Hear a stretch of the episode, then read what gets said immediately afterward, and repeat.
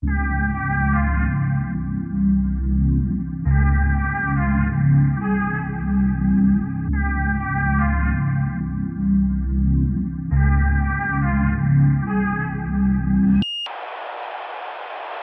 basic så är jag ju då eh, journalist sen faktiskt 80-talet och väldigt mycket idédebattör. Och eh, jag har jobbat mycket med tv, eh, jag har skrivit mycket. Och det, alltså det som kanske är roligast när jag skriver, det är väl att ha hårda åsikter. Eh, alltså åsiktsmaskin hette jag på 90-talet tillsammans. Det var ju liksom folk som kallas för åsiktsmaskiner då. Det var liksom Unni Drougge och det var Alexander Bard och det var liksom, vi, vi, var, vi var med ganska ofta, vissa personer så Du, du Men det där grejen att, pro- att, producera, att, producera, att producera åsikter är väl något av min grej. Förhoppningsvis så har jag täckning för dem också.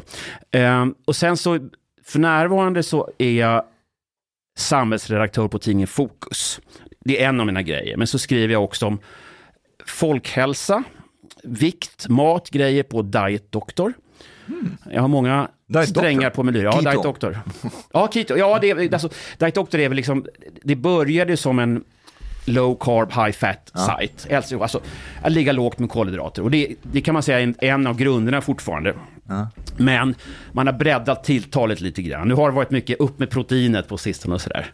Eh, och, och det här är ju en svensk läkare som heter Andreas Enfeldt som startade den här för ett antal år sedan. Det heter Kostdoktorn och hade några hundra läsare som en blogg. När han behandlade eh, överviktiga och diabetes typ 2-patienter med lågkolhydratkost istället för medicin. Då. Och eh, nu är det en jättestor internationell sajt. Då, Diet I, I Doctor. was on that site the whole time when I was on keto. Ja, du, du, var där och, Ja, och, och, ja, nej, men, och jag hoppas du lärde dig fina grejer och så. Ja, ja. Absolut. Är det mycket vetenskap och sånt? Ja, men det är, det är alltså en av poängerna med, med den sajten är att den, är, den, den, tar, den påstår aldrig saker som det inte finns täckning för. Och ofta är det ett väldigt ödmjukt tilltal. Det här, av, det här är vad vi tror just nu. Den här studien pekar på att och så vidare. I kostdebatten, precis så förstås som i den politiska debatten, finns ju oerhört många tvärsäkra påståenden som inte kanske har täckning. Får jag bara testa det med en sak? Hur mycket proteinintag behöver man ha per kroppsvikt för en dag om man vill liksom att muskelmassan ska öka? Ja, alltså, jag, är- jag är ingen, ingen sån här superperson på att bygga muskler och så, men man kan säga så här att om man följde Diet Doctor, då var det ju snack om ungefär drygt ett gram protein per kilo lean body mass. Yes! Men det var Askan då... in your face. Nej, nej, stopp nu. Hanif. Det är nya tider. Det är nya tider. Nu är man plussingar och, och snackar om kanske två gram protein per eh, kilo lean body mass. Så det här har att göra med att det fanns ju en rädsla i LCHF, alltså low carb, lågkolhydrats eh, communityn. För att om man har för mycket protein, det finns nämligen en process där protein kan omvandlas till, till glukos, Glukos. alltså blodsocker. Right. Om man nu vill hålla nere blodsockret, då har man trott att det var farligt att äta för mycket pro- protein, för att det omvandlas så att säga till blodsocker, vilket man vill undvika. Det heter glykoneogenesis, men den processen är ganska seg. Så att man kan vara ganska slösig eh, i sitt proteinintag och det har vissa fantastiska konsekvenser. En är att protein är så mättande, man blir ju mer mätt på 500 kalorier biff än 500 kalorier chips. De flesta människor funkar så i alla fall. Exakt. Och mättnaden håller längre. Ja, har ni haft en liten beef om det här? Ser lite. Ja, En beef, det är ju rätt ord. Nej, men någon tråkig jävel ska skämta om det där. Plus att det går åt mer energi att processa protein. Så Stämmer. du bränner mer kalorier av att äta protein. Helt korrekt. Det finns ju beräkningar på att alltså 100 kalorier är fett. Det tas upp ungefär till 100 kalorier i, alltså i energiomsättning. Men som du säger, Ashkan, ehm, 100 kalorier protein kanske bara tas upp till typ 75 kalorier. För det är en Fuck yeah. väldigt slösaktig process. Är det för att enzymerna måste klippa ner eh, aminosyror och... Så kan man säga. Nedbrytningen kostar mer energi än att bryta ner fett. Jag vill be om ursäkt, en, en sak. Jag, jag hoppade på Chang här för att han vitsade. Det kan jag säga att jag ger alla göteborgare fripass och det är du inte. Du är inte göteborgare. Det var därför jag var så sträng. Det är klart du ska Tror, få... tror du verkligen att jag bryr mig? Nej. Nej. Men lyssnarna kanske tycker att jag var otrevlig mot dig. Ni vet att eh, Erik har vunnit Biggest Loser Sverige. Är det sant? Vad är Biggest Loser för något? Berätta Erik. Det är, det är ett programformat, väldigt stort, det finns ju i hela världen, där man låser in tjockisar på en träningsanläggning och så ska man se vem som går ner mest i vikt Biggest under ett loser. antal veckors tid. Är, är jag helt bortkollrad eller käkade inte vi en gång på Operakällaren? Stämmer? Just det. Ja men då, då funkar min hjärna fortfarande. Har, har, du, har du varit tjock? Ja, alltså jag är ju fortfarande, eller jag är ju inte det jag vill vara, men jag har varit ganska ordentligt tjock. Ja. Okay. Hur mycket och, då? och lå, lågkolhydratkosten var det som så att säga frälste mig från, från det riktigt hemska. För att jag kunde inte kontrollera min, min aptit och så. Alltså det som händer om man är insulinkänslig och eller snarare så här, insulinokänslig, och insulinresistens. Och vi ska inte krångla in till det här med detaljer, men att jag är troligen en sån som processar kolhydrater ganska dåligt beroende på dålig livsstil. Inte, inte genetiskt, men många års dålig livsstil så gör att jag troligen då inte är världsmästare på att ta hand om kolhydrater på ett bra sätt. Eh, och då finns det en poäng att om man minskar kolhydraterna så, det är fantastiskt, man sänker hungern. Alltså mindre glufsig. Så man trycker i sig mindre kalorier. Det är ju bra om man vill gå ner i vikt, eller hur? Mm. Men det är också så att det finns, dels egen erfarenhet, en massa studier som påtalar en högre energi. Man blir alltså både piggare och till och med mer energislösig när man eh, ligger lågt på kolhydraterna. Och, och, eh, Omrad, det, det här när du snackar om keto, du, jag, jag kan tänka mig att du har känt det, när man går ner väldigt lågt på kolhydrater, Ja, max, ja. Uh, max 20-30 gram per dag. I, I was on it for, for more than a year, and uh, and during that time I also like uh, did uh, uh, prolonged fasting, like several days, like three days just water, for example, Du, three det four var days. dina bättre dagar. Du var snyggast då. Ja, så, så det är en skillnad. Ja. Det här med fasta är superintressant. Jag vet inte hur mycket vi ska prata kost och grejer, men Jag fasta, är ju, fasta, är ju, 20 fasta är en, det har ju funnits många tusen år kan man säga som en idé om, om dels att skaffa sig mental klarhet. Det är inte för inte som de stora religionsgrundarna har gått och fastat och så. Va? Det, finns, det finns i alla religioner idéer om fasta. För att man, det finns liksom ett andligt tillstånd i det hela. Va? Det är också så med fasta att man Ja, teorin är så här, jag, återigen, jag ska inte kanske gå allt för mycket in the weeds här, men att om vi tar människan i ett evolutionärt ursprungstillstånd, när vi inte har mat, är det då en poäng att vi ska vara pigga så vi hittar ny, hittar ny mat, eller kunna jaga och så? Eller bara att vi ska slöa och sega och deppa ihop? Nej, det, det, det är faktiskt så att vi tycks kunna mobilisera det sparade kroppsfettet som potent energi via en process som heter ketos. Ehm, och då, mina erfarenheter av fasta, nu har du fastat bara tre dygn tror jag Omar, jag tyckte du sa det eller? Uh, but, uh, one time I went up to almost four days. Ja. Ja, Jag har fastat flera gånger en vecka och en gång faktiskt 14 dagar. Jävlar. Bara svart kaffe. Fuck. Ingen vatten. Ja, ja, ja vatten. Ja, Nej, men vatten. Ja, ja, ja, ja. Hard, hardcore muslim. Nej, men sen så, och sen så lite salt, för att det finns en poäng att, Ja. att ta in salt. Hur- annars kan man- electrolytes in general. Ja, ja, eh, precis. För att om man inte får in salt så fungerar signaleringen till musklerna sämre. Hur hade du ätit innan det där? Innan de här 14 dagarna? Egentligen är det inte så viktigt. Ja, ja, det finns ju poäng i att, att käka lågkolhydratkost innan man fastar. För att transitionen in i fasta blir enklare då. För då är man så att säga redan inkörd på fettförbränning. Men, men, eh, men oavsett, så efter några dagar så kom en oerhörd pigghet. Och, och dessutom den här ment, mental klarhet och en jävla lyckokänsla. Alltså att fasta är ett gratis rus vill jag påstå. Well, actually, actually, you get like uh, your your at least my brain calms down a lot when I, I haven't eaten in 20 hours now, so I, I'm doing like um, every now and then I have like weight targets, and if I don't go down, I just like don't eat, um, and uh, you get like really calm, um, no anxiety, no stress. En lugn arab.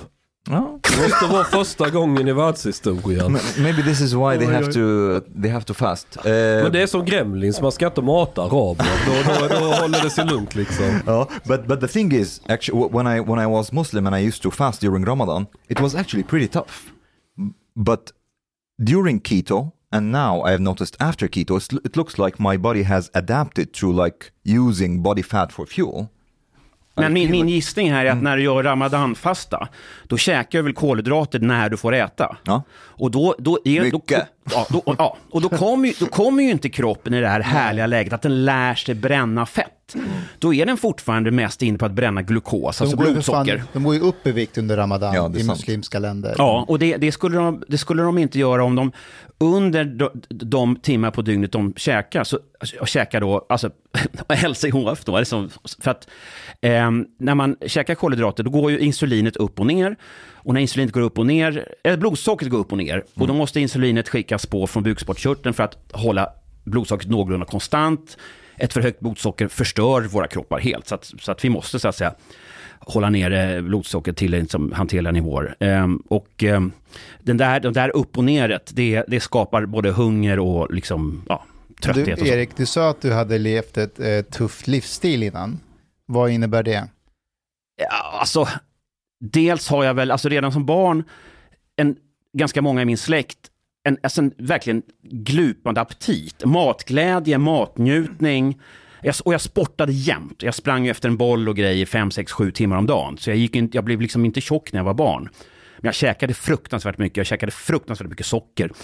Eh, och sådär. Och det där eh, gick ju jättebra upp till jag var 20-25. Men sen när jag tränade mindre, eh, vilket är inte ovanligt så att säga när man blir vuxen, eh, och fortsatte käka mycket, då blev jag sakta men säkert tjockare och tjockare. Och så, så upptäckte jag alkohol eh, ganska sent, men det var, det var först när jag var 21-22 som jag fattade att att det blir roligt tivoli i huvudet när jag dricker alkohol och sådär. va. Så att jag har liksom aldrig varit, aldrig varit någon slags så här, tragisk jag menar, alkoholist som gömmer sig från livet för att för att liksom det är roligare att supa. Men när jag, när jag dricker, dricker jag väldigt mycket och jag dricker gärna ofta också. Och det är ju oerhört mycket kalorier i alkohol, inte minst. Alltså jag tål ju så fruktansvärt mycket. I can outdrink you all, det kan jag lova er. Det ska vi inte göra nu, men, men, eh, men mycket alkohol, glupande aptit, svårt att bli mätt. Mina, mina Erik-portioner är inte alls som andras portioner om jag vill bli mätt liksom. Men alltså är det så än idag? Ja, om jag käkar, kol, om jag käkar mycket kolhydrater. Om jag bankar ner mig i lågkolhydrat, eh, alltså kost, alltså inte, inte så mycket kolhydrater per dag, då går hungern ner. Det är mitt sätt att kontrollera hungern. Hur lång tid tog det den här 14 dagars fastan innan ruskänslan kom? Ja, jag var hyfsat van vid att hoppa in i och ut ur fasta, så låt oss säga två, tre dygn. Men för nybörjaren, för nybörjaren är det säkert fyra, fem dygn. Uh, It depends. Uh, I would say it depends on because right now, even like when I'm eating, I don't eat a lot of carbs in general. I try to reduce the carbs as much as possible. So if you have relatively low carb diet, which you have, Ashkan, uh, it would come pretty fast. I think it, yeah, a couple of days. Jag, jag har aldrig fastat mer än 24 timmar. Go for Så it. då har man ju aldrig märkt. Då, då har du inte någon chans. Jag, jag fastar max fyra timmar. Nej, men, men, men Ashka, du, du har ju inte gett dig själv chansen att känna det här underbara som du, Omar, har, har fått känna. Alltså, det, är, alltså, det är riktigt häftigt. Alltså. Jag, jag skrev en Bauta-guide för ehm, M-magasin, tror jag heter. Det är framförallt riktat för kvinnor så här om året. Så jag, jag skickar dig gärna den guiden, så får du liksom allt om fasta. För att hittar du in i det där efter några dagar, det, du kommer tycka att det är väldigt, väldigt mysigt. Det, det är nästan så att man inte vill bryta den, för att man är, man är någon sån här konstig... Konst, och det, alltså poängen med det här är att Alltså den här härliga känslan bygger mycket på att hjärnan behöver glukos, alltså blodsocker.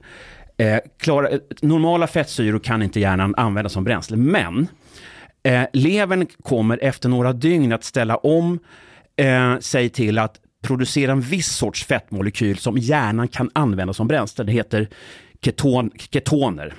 Det är en speciell fettsyra som hjärnan kan använda.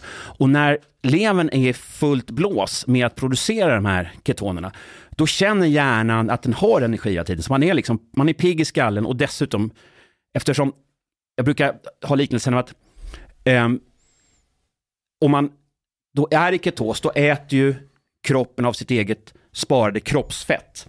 Det är som ett skafferi som är öppet 24 timmar om dygnet. Det är lite kannibalism. för hela tiden så äter du från ditt eget sparade skafferi, alltså det kroppsfett du har. Det, här- det här funkar inte för människor som är supersmala, men om man inte är supersmal så funkar det faktiskt på det sättet. Jag har en fundering, alltså när man går på diet och så, alltså fastar. eh, Hur bra är det med träning? Kan man träna som vanligt eller påverkas den på något sätt när man är i så här långa dietperioder? Det, det, det tycks vara lite olika för olika personer, men, men om vi tar då en Jonas Kolting som är numera han är han 45 plus, men han, är, ju- han har ju varit liksom världsstjärna i, i liksom triathlon-tävlingar och så. Han är liksom en stor kraft i LCHF-samhället också, också liksom träning, konditionsidrott och så. Han tränar precis lika bra när han fastar eller ligger på... Jag gör det också. Ja, och, och, Har han kroppsfett? Nej, han, han, han, han, han, är, han är ju smal, en smal jävel. Ja, okej. Jävla Jonas liksom. Han, nej, men han, nej, men han jobbar ju för. Alltså han är, han är, en, han är en hårt arbetande, nu är han ju mer kanske lite motionär då, men, men eh, egen erfarenhet är att eh, den här 14 dagars fastan jag gjorde för några år sedan, då var det inga problem att åtminstone jogga 5 kilometer. Liksom. Jag, och så jag, promenerade, jag promenerade 15 kilometer varje dag. Alltså, varje dag promenerade jag 15 kilometer minst. Men det gick också bra att jogga eh, på det här, för att energin bara blåste på. Jag har gått 17 kilometer idag. Men jag, jag, hård... he lives on the street, this guy. Like, like he, he shows me like the Fitbit, and he's like 25 or 30,000 steps, and I was like, what the fuck are you doing? You, Jag- if jag you're frågar, homeless, you should have told us. Gå 17 kilometer. Jag har kört med fläskmassan i fem mil från Ja, och Bålsta. kolla hur vi, hur vi Och jag, jag är ens inte trött. Men jag är ute och går med, med Ida. Vi är ute och går Varför mycket. gör ni det? Det är nice. Typ idag så gick vi till Liljeholmskajen. Tycker hon det är nice eller? Ja, det tycker hon hon. behöver göra för sitt jobb.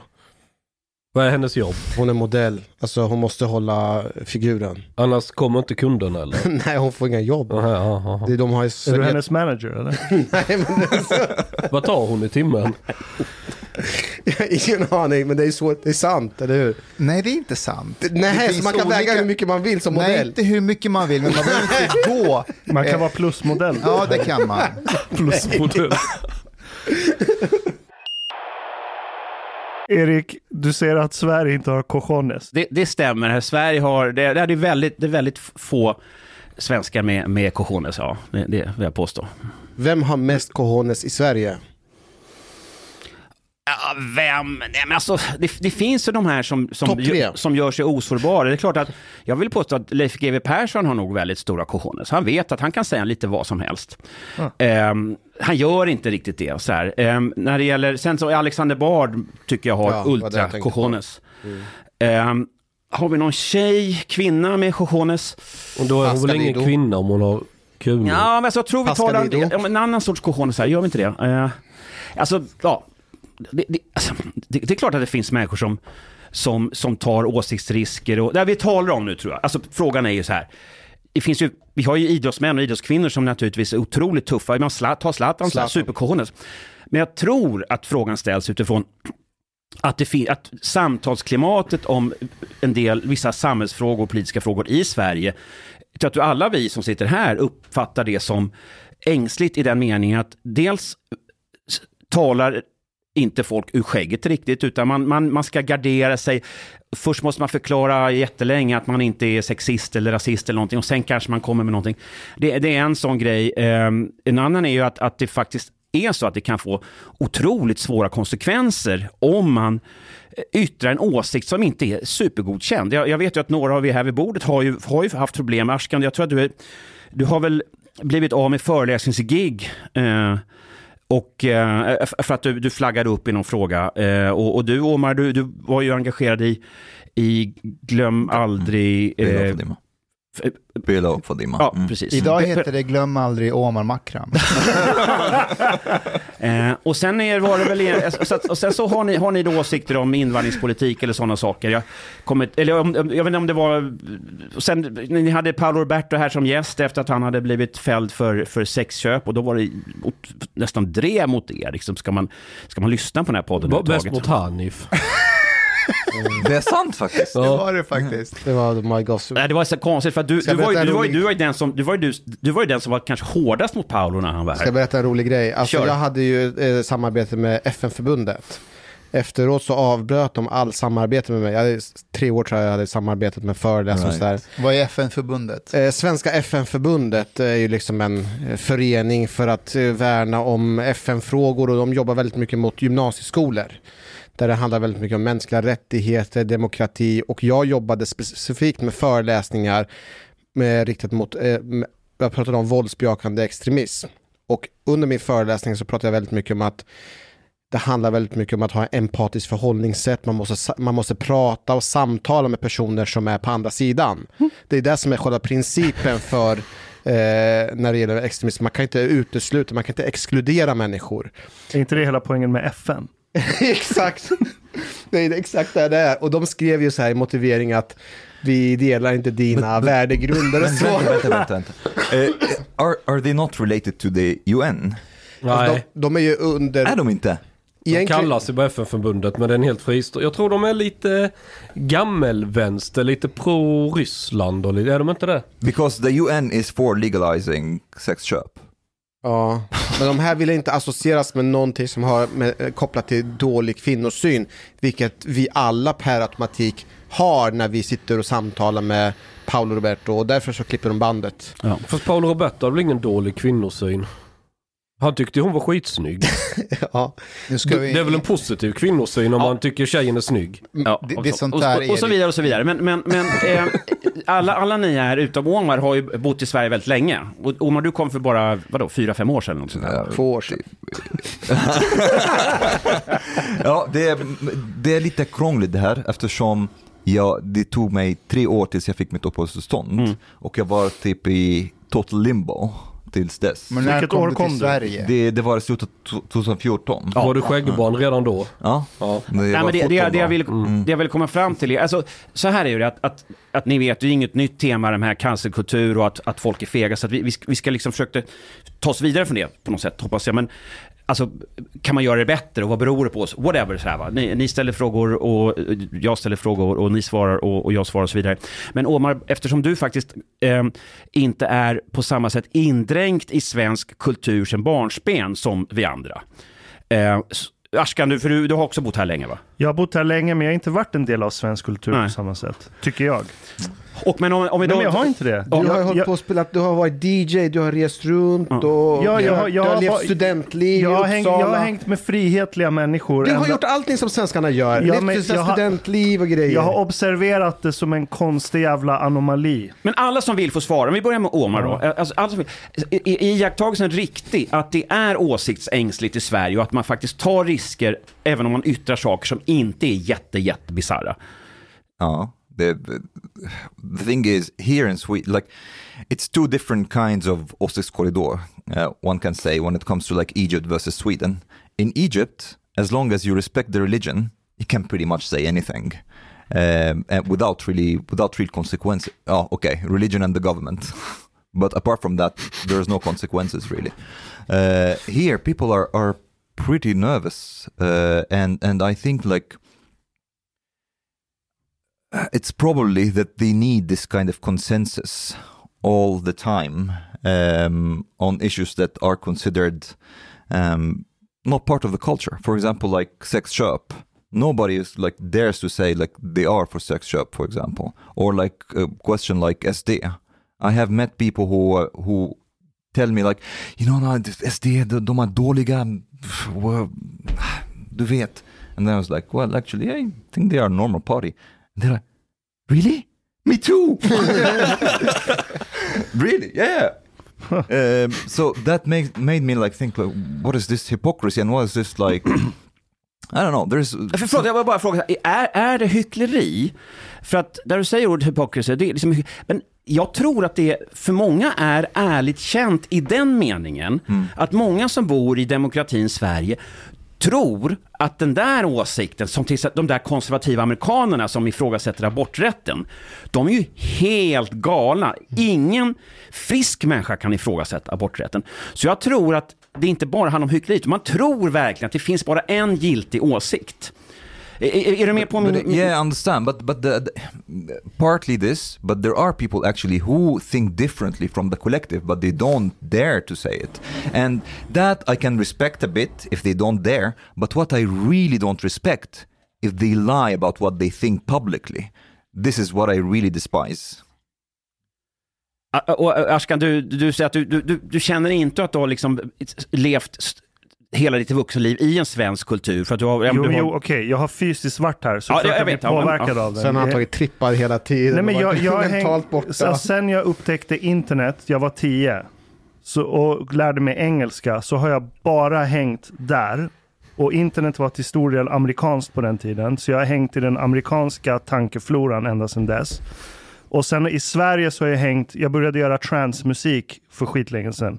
Så jag har ju hängt, hängt med transmänniskor. Och För lyssnarna och för mig, vad är transmusik? det är elektronisk musik, Ja. det som kallas för rave här. Så jag har ju hängt med dem. Och de var ju väldigt frihetliga. Jag vet inte hur mycket du hängde i så här Trittnaha-svängarna. Jo, ja, ja och Triton det är ju då för, alltså, ska jag säga, svenska libertarianer, eller nyliberaler kan man säga också. Eh, några ledande namn, eh, Christian Gergels var ett sånt namn. Eh, det var i början av, slutet av 80-talet, början av 90-talet, så utmanade man systemet med, med piratradio från Sergels torg, svartklubbar med, med liksom, alltså öppet långt efter att alla andra krogar var öppna och sådär. Och jag, jag, jag var med i den där svängen utifrån att jag jobbade i baren med, med, med författaren Per Hagman och så vidare. Utifrån, det, var, det var en rebelliskhet mot ett ett centralistiskt, eh, paternalistiskt folkhem kan man säga. Och som drog igång då slutet av 80, början av 90-talet. Och, och där var ju, där var ju, fanns ju ett, eh, det var väldigt drivet av frihet. Det var faktiskt också drivet av man vill, hade en idé om att, att ta bort gränser, att, att alla människor ska få flytta vart de vill och sådana saker. Ehm, men du, var, du, var du redan, alltså var du med jag- på den tiden? Nej, in, inte på den tiden. Nej. Jag, jag är född 85. Eh, Så jag jackade ju in i den sfären långt senare, i det som blev frukten av den sfären. Så det är de människorna jag har hängt med mest här. I alla fall tankemässigt framför allt. Sen var det, kom inte ihåg, jo, när jag doktorerade i Uppsala. Liksom, det var en institution för läkemedelskemi. Och jag tog upp problemet med cannabis och varför det är olagligt. För att all forskning som vi själva sitter och är en del av säger att det borde inte vara olagligt. Då börjar jag märka att det finns en sån här tabubeläggningskultur här. Och att du blir snabbt utfryst. Så det fick mig att börja bli intresserad av svensk politik. Jag var helt jävla ointresserad av det innan. Och flyktingvågen 2015. Jag kommer ihåg min pappa berättade att han åkte till centralstationen av ren nyfikenhet för att se liksom vad, vad som håller på för, eh, för sig går där. Och så såg han en, någon som var involverad i moskén. I han, där han, han jobbar i Rinkeby, så han känner till många människor som är engagerade i sådana kretsar. Och då såg han en person som han kände igen från moskén som stod där och lastade på folk som kom direkt från alla de här länderna. Han lastade in dem i en van. Och så skickade han iväg den här vanen och så gick han och frågade så här, vad gör du med de här människorna? Ska inte de bokföras? Ska de inte liksom få något så här samordningsnummer? Han bara, nej, nej, vi, vi tar hand om dem, vi tar hand om dem. Och så bussade de bara iväg massa människor därifrån. Och jag trodde inte på det. Eller jag tyckte det lät helt absurt. Och det var då jag började kolla vad fan det är som händer. Så det är ju sedan dess jag insåg hur weird det här landet var, är. det var lite då du åt röda pillret när det gäller just den här frågan. Då, kan man sä- säga det det? var kognitiv dissonans ganska Ja. länge. För jag tror att en, en, en sak som, som, som hände var att vi, vi som har varit, alltså bo, bor i Sverige, födda i Sverige, har en idé om hur Sverige har funkat. Alltså man tänker att Sverige, var det än är, det kan vara lite byråkratiskt och fyrkantigt, men i alla fall välordnat. Va? Eh, Shit works. så man, man tror, jag tror att det är svårt för många att fatta hur, hur oreglerat och utan konsekvensanalyser man, man, man administrerar den här politiken. Men Riksrevisions, Riksrevisionen kom ju nyligen med en, med, en, med en rapport som lyfte upp att, att väldigt många stora beslut med stora framtidskonsekvenser som sjösätts av riksdag och regering. Och, man då, alltså Riksrevisionen, de, de, de tycker man ska utvärdera saker, de tycker att man ska, innan man gör något, kolla konsekvenser och så. Otroligt sträng kritik mot en svensk statsapparat som inte gör konsekvensanalyser av viktiga beslut. Ett, det finns så många exempel, men ett som är lite kul kanske är att den sista stora Eh, systemanalysen av vårt, alltså vårt energisystem. Man verkligen försökte så att säga, ta reda på hur saker och ting hängde ihop med olika energislagen och, och känslighet för om det blir störningar utifrån och så vidare. Gjordes i slutet av 70-talet. Och efter det vet ni ju att vi har hållit på med mycket klimatpolitik och vi har lagt ner kärnkraft och vi, vi satsar mycket på vindkraft och så vidare. Och damcykelbanor. Ja, just det. Just det. Ja, men de, de, de, de, cykel, de cykelbanor ska vi inte förakta i uh, kampen för en bättre miljö. Ehm, men, men så att... Så att jag Alltså för de som inte vet vad, eh, Ja, det är ju, vad, är, vad är det det handlar om? nej, men Trafik. det finns, jag brukar tala ibland om att vi har, det finns ju så här en, eh, man kan säga att politiken är i hög grad till, och det gäller både i diktatur och demokrati, att här finns ett problem. Så försöker vi lösa problemet. Det skulle till exempel kunna vara att eh, man har för få ungdomar som vill läsa teknikämnen. Eller skulle kunna vara att det är många som blir sjukskrivna fast de egentligen är arbetsföra och sådär. Då har vi ett problem. Och så söker man en lösning. En lösning kan vara mindre bidrag, då är det färre som vill bli sjukskrivna. Eller man kan göra, driva upp lönerna på olika sätt. Eller göra teknikutbildningarna Arbetsläger också bra. mer attraktiva. Så. Det är problem med lösning. Sen så har vi, så jag tror många känner i Sverige idag med integrationen och invandringen, det här har och bl- bl- blåljuspersonal som måste ha eskort för att rädda folk i, jag menar ambulanser och, jag menar, jag har ju snackat med ambulanssyrror och sådär som, det är bara skitläskigt att bara åka in för att kunna rädda folk i, liksom, i många områden och sådär. Och då, och, och, och om man tittar på rättsstaten, hur den funkar i, i vissa, vissa, ja, typ förorter, så här, vad heter det, utsatta områden så, det funkar inget bra. Då tittar, Sär, särskilt roliga områden heter det. Ja, Särskilt roliga områden. Ja. Och då har vi problem till synes utan lösning. Men det här med cykelsymbolerna, det är så att för några, härom, ja, för några månader sedan så trafikborgarrådet i, i Stockholm, miljöpartisten Daniel, Daniel. Helén. Helldén, ja. Helén, ja just det. Nej men då, han, det var en stor dag för honom för att då, då, då eh, vid Sergels torg ungefär, då kunde han eh, rita in i asfalt, eller bränna in i asfalten, en symbol som hade tagit eh, Stockholms stad flera månader att ta fram, en fin logga med, håll i er nu, en damcykel. För tydligen har det varit så, ingen har tänkt på det, men alla cykelsymboler i Stockholm har föreställt en herrcykel. Men nu kommer då det här underbara ögonblick när Trafikborgarrådet kan, kan visa att cykelbanorna är, kan minsann märkas med en damcykelsymbol. Och Men han sa de- det i, i, som ett uttalande till, till, journal- till pressen som var där då, att, att eh, eh, det är ju minst lika många kvinnor som män som cyklar i Stockholm. Nu får de äntligen känna sig sedda här. But isn't this like sexist? är ett- Jag tänkte, är inte MP never- HBTQ-certifierade? Det, det, det är transfobiskt. It's not just that. Fan, det I've never really thought. I've never really thought about like you know that there is like women's bicycles and men's Jag bicycles. har aldrig tänkt på det heller. Nej. Men, men, men, och, och det här har vi alltså, det här har vi då, det tredje kategorin, det är alltså, man har en lösning på ett icke-problem. Det är alltså ett totalt icke-problem. I, svenska kvinnor, Stockholmskvinnor har inte känt sig kränkta när de har cyklat på cykelbanor märkta med en herrcykelsymbol. Och som du säger Omar, man tänker inte ens på vad det är för symbol. Ingen har känt sig kränkt, ändå ska detta styra, upp- styras upp. Och Sverige är ganska bra på det här. Vi alltså har ehm, vi erbjuder lösningar på icke-problem. Oj, är det fler killar som pluggar till ingenjör än tjejer? Åh, fruktansvärt! Techsatsning, techsatsning, techsatsning. Det är väl inget problem om nå- några fler killar än tjejer blir ingenjörer? Eh, Jag, jag, jag, har, jag har en teori om det där, om eh, Daniel Helldén. Jag tror att han är ett geni egentligen. Jag tror att han har insett att de som sitter i Miljöpartiet, de är kassa, de måste åka ur riksdagen.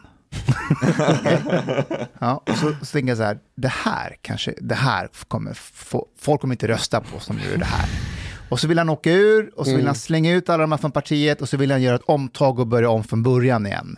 Eller så För kan det han kan bara... inte vara så här kast. Det går inte att vara så här dåligt. Eller så kan han ju bara byta parti annars om han känner att det går åt helvete. Vad ska han gå till?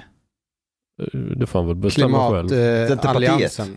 Och just det, klimatet. Den, Men- men- den breda mitten. Men Erik, du skrev att det här, ja, men när man har lösningar till problem som inte finns, det är ett tecken på dekadens i ett ja, samhälle. ja, ja. Vad, eh, En fråga, eh, det här med... Du, Ja, han förlåt, håller ju förlåt, på. Ja. Jag Vad tänkte på det här abortgrejen, är inte det samma sak? Va? Jo, det är det. Ja, jag tänkte. Ja. Du, du tänkte bra. Jag kan säga ska, vad jag skrev. Alltså, det här var ju en artikel, artikel jag publicerade idag i tidningen Fokus som är någon slags alltså, st- stor jävla artikel där jag försöker liksom lägga en mental karta, alltså, sk- rita en mental karta över Sverige. Dels den här ångesten vi har inför framtidsproblem som tycks oss övermäktiga. Det, det är ju på Som riktigt så. vad? Nej, men, jag, jag, jag hör en desperation i rösten hos ledande politiker när de pratar om fler poliser och hårdare straff och, och eh, tajtare invandring. För att de, de, de ser alltså problem eh, som inte bara finns i vissa storstadsförorter, det vet vi. Alltså det var ju en snut nyligen som sa att liksom hela, ja, men hela, hela landsbygden är full av typ brist på kontroll. Eh, och de här, de, de har ju pratat nu om fler poliser väldigt länge, de har pratat om Hårdare straff har man kanske inte pratat om jättelänge, men man har pratat om integration, integration, integration. Det ska vara mer, bättre fritidsgårdar, mer satsningar på skolan. Och ni vet, man bara häller på pengar, man häller på pengar. Men det är inte, om man har testat att hälla pengar på problemet nu i 20 år, vad är det som säger att, man, att det plötsligt ska lösa sig? Va? Eh, så att jag, jag, hör en, jag hör en desperation nu eh, och eh, ja. But isn't it possible that uh, basically they understand that it's a hopeless case for the time being, but they cannot say that. They cannot say, like I'm imagining a politician coming out and saying, by the way, these problems that we have with criminality, integration, and so on, we just have to wait them out for a while. This will take like maybe 20 years, 30 years. Men det säger de mellan raderna. Alltså, But- rikspolischefen har ju sagt att det här kommer ta tio år. Många Johansson sa här om veckan att det här kommer ta minst tio år innan vi får bukt Yeah, med but det. but uh, at the same time, everybody's like, okay, but what will you do about it now? And no politician can really say, well, there isn't much we can Men det är do väl actually. jätteenkel sak att lösa på typ några veckor. Arbetsläger, vi vet. Ja men Chang, kom igen. För att en, av, en av anledningarna till att jag, ja, men jag kom hit för att Ja. jag vill prata mer, men eh, det, det kan ju inte vara helt kört. Kör Chang, för jag tror att du har idéer om att om man verkligen vill, om ett samhälle, vi är många, många fler än dummisarna, snällisarna är många fler än dummisarna. Det här är väl lösbart om vi använder rätt metoder. Shoot. Ja, men alltså, Eller- jo, man ja. var inne på det. Alltså, vi riv upp FN-stadgan. Att vi, vi, vi, vadå mänskliga rättigheter? Det gäller inte här. Så, så slipper vi allt sån skit. Sen alla som bor, vi har inte plats i fängelse och häkten för det är överfullt. Nej, men det, de vill ju öppna nya gruvor i Norrland. Ner med dem där. Okej. Eh, Så. Och sen, jag menar du kommer ju rensa bort. Varenda kriminell jävel bara försvinner. Puff, puff, puff, puff, puff, puff. Och sen sprids rykten bland de andra. Då vill, inte, vill man inte vara kriminell Well, längre. the UK started to send asylum seekers to Rwanda, I think.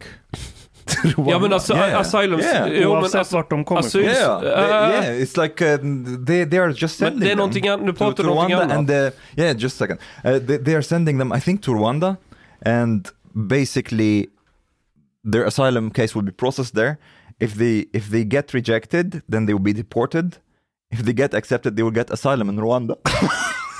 what? Nobody wants that.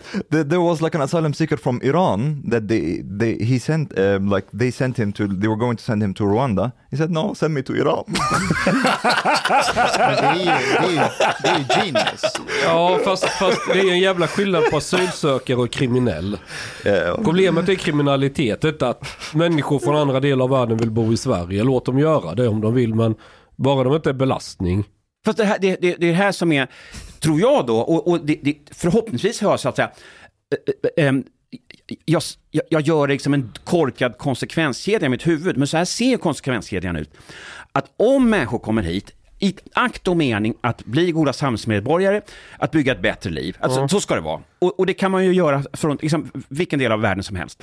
Men om det är så att mamma och pappa inte tar sig in i svenska samhället, utan blir bidragsberoende och kanske bittra för att man, man har liksom ingen plats och man kanske saknar stenarna där barn man lekt och så vidare. Och så, så finns då gängen där och, och, och så vidare och, och erbjuder plats då till liksom entreprenöriella ungdomar som inte lyckas i skolan. Och hur ska de lyckas i skolan när ingen talar svenska i klassen och så vidare. Så då, då kan det vara så att, jag menar, det finns en, en, de allra flesta vill bygga en bättre framtid här, men när framtiden i och för sig materiellt är okej, man har sin parabolantenn och man har liksom, man har inte ont om pengar, man har sin iPhone och så vidare. Men när man inte har en framtidstro, då kommer ju så att säga nästa generation och generation efter den bli, bli, eh, eh, alltså bli antisociala i någon form. Det, det, är väl, det, är väl, det är väl så konsekvensen ser ut liksom. Det är väl svenska samhället sviker ju invandrare för att man tillåter kriminaliteten ske i de områdena. Du skulle ju inte tillåta det ske på Södermalm eller Djurgården eller Lidingö eller någonting sånt. Blir det ett en stor anledning till att det överhuvudtaget är okej att prata om de här sakerna i media nu jämfört med några år sedan. Det är ju för att journalisternas egna ungar blir rånade. Ja, jag tror att det är, en, det, är en, alltså det är nästan förhoppningen att det ska gå mer illa för vita majoritetssamhället, för då blir det ett wake-up call och så. För jag, jag tittade, jag, jag, jag har sett det, men senaste Fredrik Reinfeldt blev intervjuad i Dagens Nyheter, tror jag det var, stor Right. intervju Mm. nyligen. Och han sa ungefär så här, ja men vadå kritik, invandring? Nej, det är ju jättebra. Vi behöver invandring för vården, vi behöver invandringen för att vi, vi föder så få barn själva och så vidare. Och, och han fick medhåll av Maria Wetterstrand nyligen, i, i vår tidning Fokus faktiskt, om att där hon skriver ungefär att ja, Reinfeldt har rätt, integrationen har minsann gått ganska bra och så vidare. Ehm, och den här, alltså den här synen eh, att No, but sorry, sorry no, no, just bor ju something inte understand. Integration går jättebra, på vilket sätt? Ja, like, alltså, what, what kind of like criteria are they using? Då, då, det, det, det, det, jag letar efter deras argument, eftersom Ja. man, om man tittar då på eh, alltså, hur många som är sysselsatta, eh, så är det alldeles för lågt. Och def, dessutom definitionen av sysselsättning i Sverige är en timme per vecka eller något sånt där. Det är väldigt, väldigt snäll. Och, det, och det räcker, om man jobbar i familjeföretaget så, så räcker det att jobba gratis. Och så tittar man på, eh, tittar på, på, på, på graden av självförsörjning. Shit, they're really trying. Ja, ja. Nej, ja, visst, och graden av självförsörjning har det gjorts lite olika studier på. Det vill säga alltså, om man så att säga eh, invandrare som tjänar så pass mycket så att man liksom inte, egentligen inte behöver gå på behöver bidrag för att klara av sin försörjning. Det är också otroligt deppiga siffror, så jag, jag förstår inte riktigt varför de säger det här. Alltså de, det är nästan som att de gissar att, att vi kommer att ha en demografisk kris med inga egna barn som föds och därför måste vi fylla på. Men det, det motsvaras ju inte av faktisk integration på arbetsmarknaden. Det motsvaras inte av att de här människorna som kommer hit eh, får jobb eller skaffar sig vassa utbildningar som i förlängningen kommer ge jobb. Så jag, så jag, först, jag förstår Jag, faktiskt jag tror inte. att om man ska försöka förstå Reinfeldt i alla fall i den här intervjun, det är att jag tror att Reinfeldt är mer lik en sån som Hanif Bali och Chang Frick och de andra än vad man tror. Och det är att han har insett att man ska aldrig backa. Man ska aldrig be om ursäkt. Så han, han vet hur läget ligger till. Herregud, hans... Gör han verkligen? Ja, det tror jag. Men snälla, han, han, han har ju eh, dialoger med Ulf Kristersson och, och de andra i partiet. Han, han ser ju vad de också ser.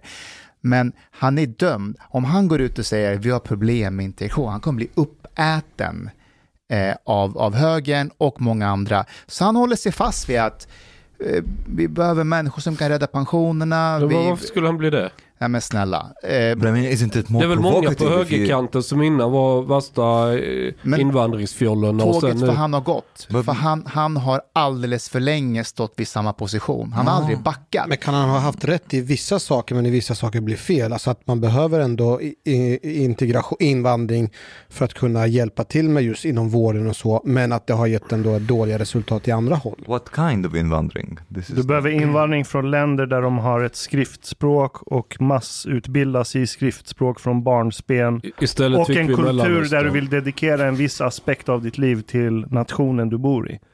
Or just import qualified arbetskraft. Ja, ja men som man gjorde på 80-90-talet. Ja, Den- alltså vi har ju alltid haft invandring. Folk som jobb, kommit för att jobba i Sverige. Ja. Men den invandringen som har varit de senaste Det är ett helt annat decennierna. selektionstryck.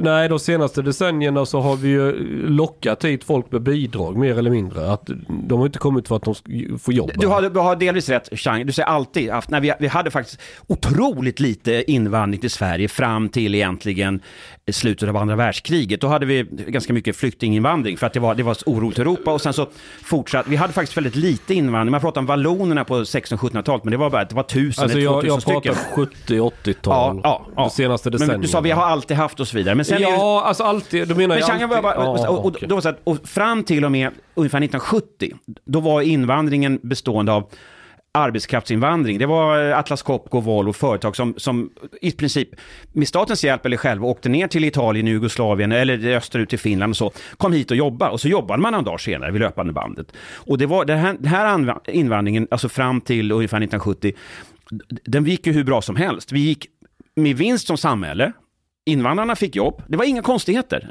Eh, och sen så stängde, sen ville LO, vilket är helt okej kan man tycka, de ville inte ha lönekonkurrens, de, ville liksom inte, de var rädda att invandringen skulle trycka ner lönerna. Och vi hade också strukturkris i Sverige utifrån att varven lades ner och teko lades ner, och, alltså konfektionsindustrin. Så det, man var rädd för arbetslöshet och då var man lite rädd för att importera arbetskraft, så skulle arbetslösheten kanske öka. Så då hade vi ingen invandring ett tag. Och sen så slutade vi med, helt då med arbetskraftsinvandring och så hade vi massa flyktinginvandring. Det började med chilenare och iranier och sådana saker. Du, jag måste fråga dig. Så vi, vi bytte liksom, vi, vi hade Men invandring... var, varför började man med flyktinginvandring? Ja, ja, ja, ja, det, det där tror jag, det där är en För att- super, super, superfråga. Men eh, Mustafa, kör. Jag, jag vill fråga dig, du, du växte upp i ett socialdemokratiskt hem. Yes. Pappa var ju ett toppnamn inom Ja, min, Socialdemokraterna. styr, min styvfar, han, han var, när jag var barn var han liksom, eh, alltså Kjell-Olof Feldt då, han, han var den som så att säga skulle ta över efter finans, alltså den, finansministern före honom i sosseriet, Gunnar Sträng. Och han blev sen, min styvfar, finansminister 1982 efter att sossarna kom tillbaka som regeringsinnehavare efter då sex års eh, opposition. Har vi haft en, sta- en finansminister som heter Gunnar Sträng? Ja, vi har, och han, alltså han var den, han var, ja, Alltså, vi har en partisekreterare för Moderaterna idag som heter Gunnar Sträng. Gunnar Strömmer. Gunnar Strömmer, sorry. Ja. Eh, nej men eh, så att, så att, och när jag, och det var jävligt kul, alltså, han, jag var ju nästan 18 när han blev finansminister, men, men hela uppväxten var ju präglad av frejdiga politiska snack och så. Men då var det ju andra frågor man pratade om. Då var det just det här strukturkrisen, hur ska Sverige kicka igång nya, alltså, nya arbetsplatser när, de här, när, när man blir av med gruvjobb och varvsjobb och tekojobb och så. så det, det här, alltså invandring var ju en icke-fråga då egentligen eh, på 70-talet eftersom vi, vi slutade ju med, vi slutade med invandring förutom att vi hade, ganska, vi hade lite flyktinginvandring från Chile och Iran och så. Men vad, vad, vad, vad var frågan, vad var svaret på den? Ja, nej, men jag tycker det var någon som ställde frågan här. Varför, varför kom vi på att vi skulle bli den humanitä humanitära stormakten utifrån flyktinginvandring? Alltså att vi hade arbetskraftsinvandring, det var ju helt enkelt så att vi tjänade på det. Och så, och så var det härligt att få hjälpa folk från, från fattiga delar av Europa att, att bygga ett bra liv. Det här var ju succé. Italien, fattiga Italien. Ja men, ja, men relativt ändå. De, många ville ju komma hit ändå, så var det faktiskt. Österrikare, italienare, jugoslaver och så. De, de ville Italy komma hit. was pretty poor, actually. Vad sa du? Italy was really poor. Ja, det var det kanske. Ja. Ja. En teori är ju det här med att eh, svenskarna har ju varit så här missionärer, varit ute och missionerat och vill liksom påverka andra delar av världen och leva som vi lever, lite kristet. Men det här med att nu har vi valt en omvänd mission, eh, mission där vi ska ta in folk hit och omvandla dem här i Sverige och bli goda svenska medborgare. Vad tror du om den teorin?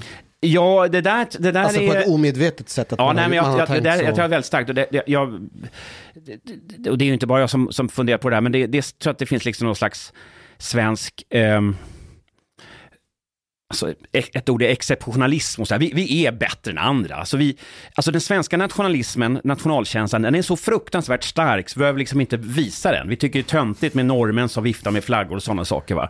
För att vi, vi vet ju att vi egentligen är bäst. Och jag tycker man märkte nu när vi skulle in i NATO, liksom, då, så här, lyckos NATO, att vi kommer in. Menar, Är, alltså, det, är inte det patologiskt? Jo, jo, jo vi, är, vi, vi- vi är ju patologiska. Och, och den, här, den här artikeln jag har skrivit nu i Fokus, den heter ju Det, extre, det extrema landet lagom. Eh, Det finns en kanonbok som jag tar upp i, eh, i artikeln som är skriven av statsvetarna Katarina Barling och Cecilia Garme. Och den heter Saknad, den kom nyligen den boken. De var Vi, här. har- vi har Ja, vi har hängt med dem. Ja, har, har de varit här eller? Ja, ja. Fan cool.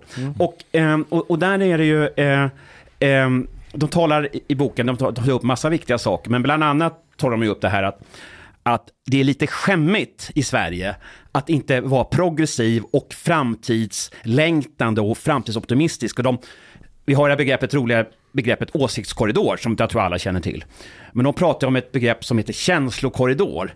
I känslokorridoren måste vi vara optimistiska och, och, och, och tro på framtiden. Medan de som sitter och deppar över att det här gamla samhället man växte upp i, om det är en bruksort eller om det är en Stockholmsförort eller vad som helst, att den förändras så snabbt att man inte hinner med svängarna. Alltså den typen av nostalgi eller framtidsoro, det är lite skämmigt och fult. Det ligger liksom lite utanför den här känslokorridoren. Men i den här boken så tar de också upp tre sorters nationalism. Och en heter ungefär under, underlägsenhetsnationalism, tror jag. Det är liksom det är, fattiga, fattiga folk som desperat viftar med flaggor för att hävda någonting och man har kanske kommer från ett land som inte alls funkar bra. Så Det talar alla en, de på skolavslutningarna som viftar med Tur- Turkiets flagga och allt vad det är.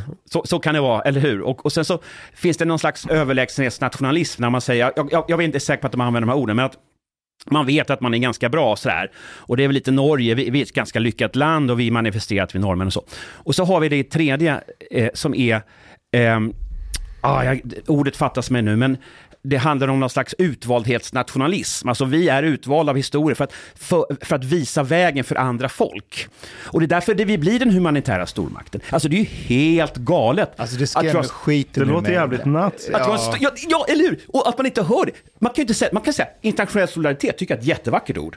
Och, och man kan hålla på. Och, och Sverige har den här traditionen av att vi har, alltså, om det är bistånd eller om det, det är liksom, och, och framförallt internationell handel. Vi är ju grymma på, på export och import och vi är nyfikna. Och jag menar, Ashkan, du som, du som gör liksom, elektronisk musik, ja, du, du vet ju att det är många...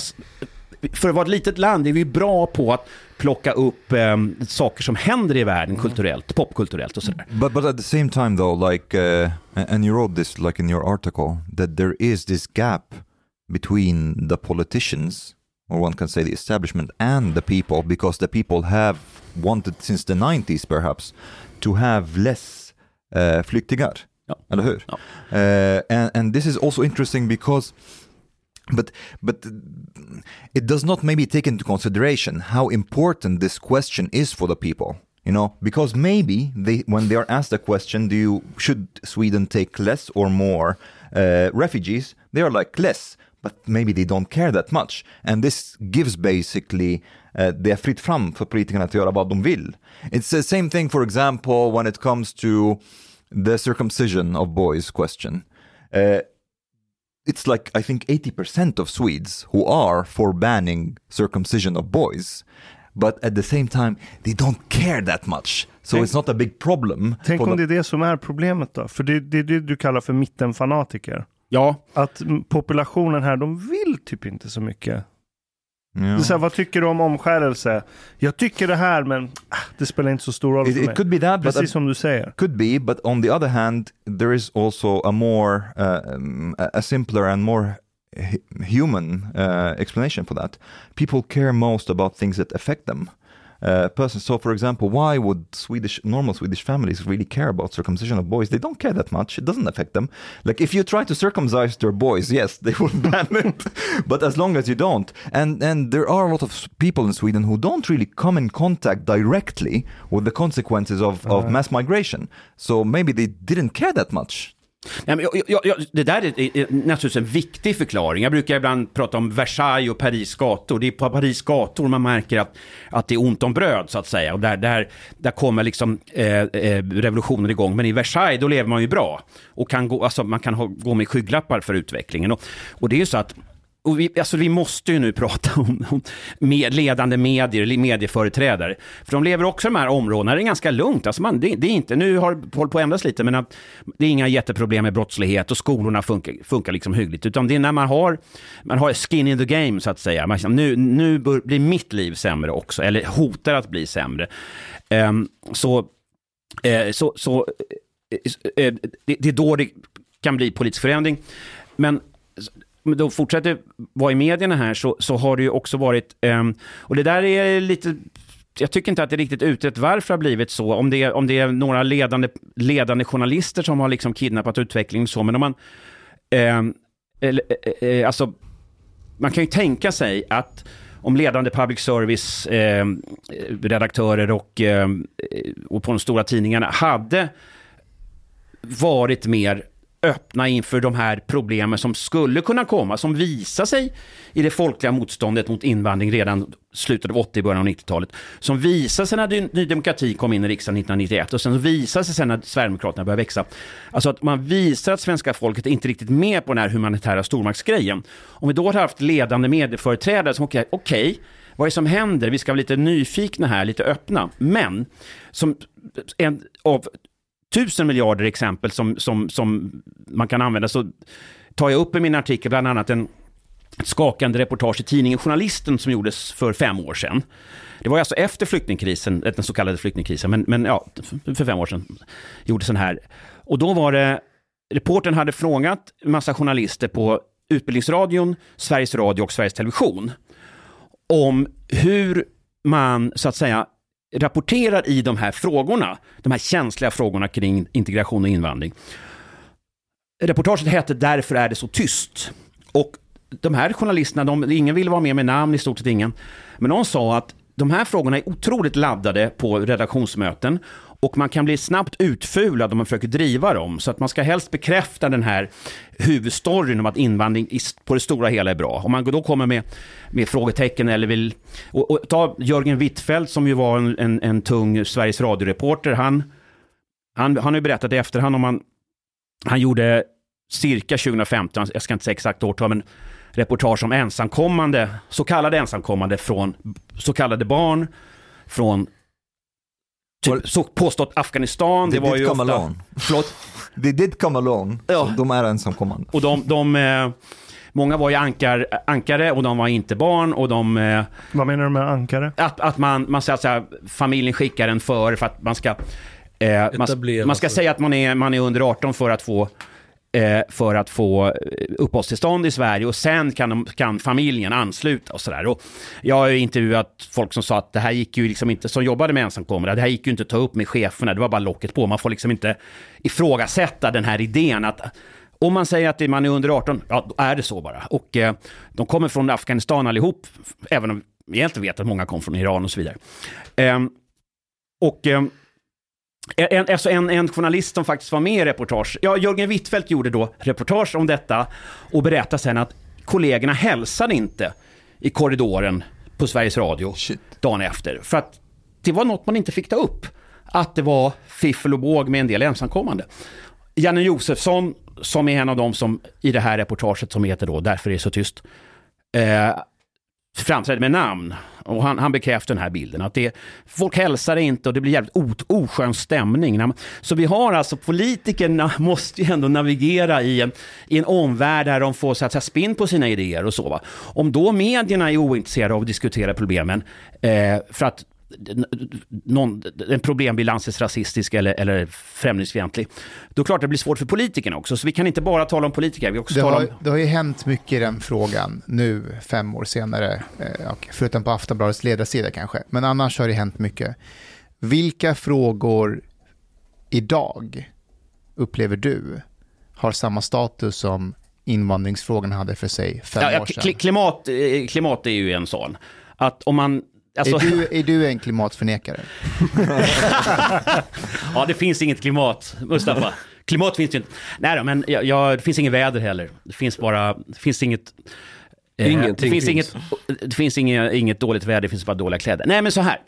Så här. Eh, klimat, svår fråga hit och dit. Om man läser vad IPCC, FNs klimatpanel, säger i sina stora rapporter som kommer ungefär vart sjätte, vart sjunde år, som är alltså de här tusen, flera tusen sidor, Eh, då är det ju naturligtvis så att vi ska ta den här frågan på största allvar. Det har, klimatet har, jordens globala medeltemperatur har väl gått upp en dryg grad sen typ 1800-talet. Så att vi har en global uppvärmning, den är definitivt delvis skapad av oss människor, det, det är nog bortom allt tvivel. Vi har mer extremväderhändelser troligen, fler, fler torkor till exempel. Eh, men om man tittar på den hela bilden, hur hur mycket ställer klimatet till det för människor som lever på jorden utifrån minskad BNP, dödsfall, sjukdom och så vidare. Om man då tittar på FN, jag, bara, jag är ingen expert på det här, men om man tittar på vad FN säger, så är det inte den här alarmistiska, supersvarta bilden som pumpas ut i, inte minst public service-medier. Och så har man det här Parisavtalet som är där, vi, det ska vara max en och en halv grads uppvärmning och vi kommer misslyckas greja det målet. Ja, den här en och en halv graden, det är många som inte är med på det. Det är inte från nu alltså, utan det är från 1800-talet och vi har redan värmt upp med kanske 1,2 grader. Så det är bara 0,3 grader kvar. Så att vi har alltså satt ett mål i Parisavtalet som är omöjligt att uppnå. Alltså redan med de utsläpp vi har satt igång så kommer vi... Men det var, det var viktigt det du sa om just eh, vad FN säger, för det är ju trots allt färre som dör av väderrelaterade händelser. Intressant grej där, om man tittar på hur många som dör av väderhändelser på jorden idag jämfört med för hundra år sedan, så cirka bara en hundradel så många justerat för hur många vi är på jorden. Eh, och det här beror ju mycket på att, dels lite grann att vi har bättre sjukvård och så, men man har bättre varningssystem till exempel. Har solidare byggnader som inte på samma sätt eh, går åt helvete om det kommer en orkan eller någonting. Färre fryser väl ihjäl med när det blir varmare. Ja, det är faktiskt så att, att det är fortfarande så i världen att fler dör av köld än av värme. Så att den globala uppvärmningen nettomässigt så är det troligen så att, så att, att, att, så att säga, det, vi, vi räddar fler från kölddöden än vi driver in folk i Det är värmedöden. alltid det jag tänker när jag vrider runt nyckeln på min Impala. Ja. Att jag, jag gör en insats nu Varje gång jag ser på SVT eller TV4 eh, när vädret kommer och den här kartan, det är som att det är en lava i Sverige. Ja. Vi, kom, vi kommer att dö. Det, det brinner i hela Sverige. Jag fattar inte varför den är alltid så röd och det är så här 22 grader. Ja, men, och, alltså, det var ett reportage nyligen på SVT, det är Aktuellt eller Rapport, klimatreportage. Och då var det, det var en av de här ledande, ska jag säga, alarmistiska reporterna, en person som jag har stor respekt för, fantastisk skribent och allt möjligt, och, och tv-reporter. Behöver inte gå in på namn här, men hon hade ju träffat eh, amerikanska, eh, förlåt, engelska eh, lantbrukare. Och de pratade om eh, det här att man, man lägger ner engelska lantbruk och eh, anlägger golfbanor tror jag. Eller, eller nej, man planterar nog mest träd, så var det. Man, man lägger ner lantbruk och planterar träd. Och träd är ju bra koldioxidfällor, det vill säga det fångar in koldioxid, ja det är väl bra. Och jordbruk, eh, så att säga, levererar ut koldioxid i atmosfären. Så det är bra att vi lägger ner jordbruk och planterar träd. Men, som den här lantbrukaren sa i reportaget, nu producerar vi ju mindre livsmedel i, i Storbritannien. Så vi måste importera livsmedel någon annanstans ifrån. Och då blir det ju mer klimatutsläpp i de länder från vilka vi, vi importerar livsmedel. Så nettot är ju bara kalla, alltså nettot är ingen vinst för klimatet, utan det är bara att man, vi i Storbritannien nu, vi lägger ner jordbruk för att visa att vi tar kli, våra klimatmål på allvar, men det påverkar ju inte ett dugg eh, de, de globala koldioxidutsläppen. Okej, Eftersom så- maten måste produceras någon annanstans. Klimatfrågan, vilka, vilka fler frågor får man? legalization of cannabis and uh, decriminalization of drugs. Ja, där har det väl blivit lite bättre, Ja, är det det inte har så? Men Jag för... har det Ja, verkligen? det har det. Ja, But, uh, det har det. But where is the okay? Wait, wait, wait. Has it really been like who is taking like in public service? Like uh, who is taking up this Omar, du, discussion? du, du kom hit i förrgår. Det har, hänt, det har hänt ganska mycket. yeah, in in how people talk about it. But is public service is the media having a debate about the consequences of Ja, men det är like två olika cannabis? saker. Det är två Mm. olika saker. Public Ja. service kanske inte tar upp det i så stor... Jo, det var ju när han... Eh, de har ju haft en stor debatt om legalisering, har de inte? På Sverige möts. Ja, det har det varit. Ja. Men utöver det, alltså i ett lunchrum kan du idag i alla fall lite försiktigt nämna cannabis. Yeah, Utan att folk tror att du eh, ligger och knarkar. that's Och... socially. But I'm talking more Men about Omar, the media. Omar alltså, i, grunden har, alltså, i grunden tycker jag ändå att du har rätt. Om man frågar liksom människor i, i min ålder, jag är född på 60-talet, eller liksom mina, de som är äldre jag, de flesta frågar liksom, är de tror att missbruk och bruk är samma sak. I stort sett tror de att den som brukar narkotika också missbrukar. De fattar inte riktigt att de flesta som, som eh, brukar narkotika, som ja, någon, helgrus eller vad som helst, slappna av, faktiskt inte trillar in i miss... Den stora majoriteten människor som brukar narkotika blir inte missbrukare. Och det förstår nog inte halvgamla och gamla svenskar. Yeah, but I'm not. I'm not talking about the people. I'm talking about the more about the media and how the media and what they choose to like this, like uh, basically lift up. Um, also affects public opinion in a way. So imagine if we had like a very rich discussion about legalization of drugs and its consequences, for example, gang criminality. It's like, for me, like a, a, discussion on on uh, on fighting gang criminality without at least a discussion about legalization of drugs legalization of cannabis is not. We don't really have like a discussion on gang criminality. Nej, men jag, jag, jag, håller- jag håller med där. Och det, det där är ju liksom en... Alltså, om man har följt svensk samhällsdiskussion väldigt länge, som jag har, alltså sedan 80-talet, eller ja, egentligen kanske ännu tidigare, så det är fascinerande hur vi etablerar den här du, du var inne på Ashkan, eh, och jag tror lite utifrån min artikel och sådär, men talar om någon slags fanatisk mittenkonsensus eller någonting sådär. Folk vill ju inte sticka ut för mycket, och det, det kan man respektera. Men ibland upprättar vi konsensus utifrån en falsk mittenposition. Det vill säga, den riktiga mittenpositionen, om vi säger världen, det är ju att alkohol är på många sätt en ganska problematisk drog. Eh, cannabis eh, är, är, kan, kan också vara problematisk, men den, den skapar liksom inte en massa aggressivitet och våld och grejer och sådär. Så att en mittenposition kanske ska vara att, vi, att man så att säga, alla människor kommer att använda droger på olika sätt. Nu ska vi titta lite grann på vilka som ställer till det mest och så. Det, det kan vara en mittenposition utifrån vad vi vet i världen om olika droger. Men i Sverige så är vi otroligt snabba på att upprätta en mittenposition kring en egen, alltså hitta en egen konsensus. Som eh, Carl Hamilton, det, det är någon, han skrev en bok, jag vet, har han varit här eller Carl Hamilton? Nej, men författare och, och politisk skribent, men kom ut med en bok i våras som heter De ofelbara, där han tar upp några exempel på där vi etablerar konsensus kring något vi låtsas vara en mittenposition, men som är en extremposition. Han tar upp invandringspolitiken, eh, han tar upp ehm, eh, alla de snabba reformerna och avregleringen av skolan. Det gick väldigt snabbt och kritiklöst. Och han tar upp försvaret av kronan början av 90-talet. Där det var, det vill säga, nu ska vi, vi, ska in, vi ska ha en fast växelkurs och vi ska försvara kronan då med en högre och högre ränta. Till slut hade vi 500% ränta och så. Va? Och han berättar ju verkligen pedagogiskt och, och skrämmande om de ekonomer, de få ekonomer som vågade utnämna, utmana denna konsensus och säga det här funkar inte. Eh, det här blir alltså för dyrt för folkhemmet och vi måste släppa kronan ändå.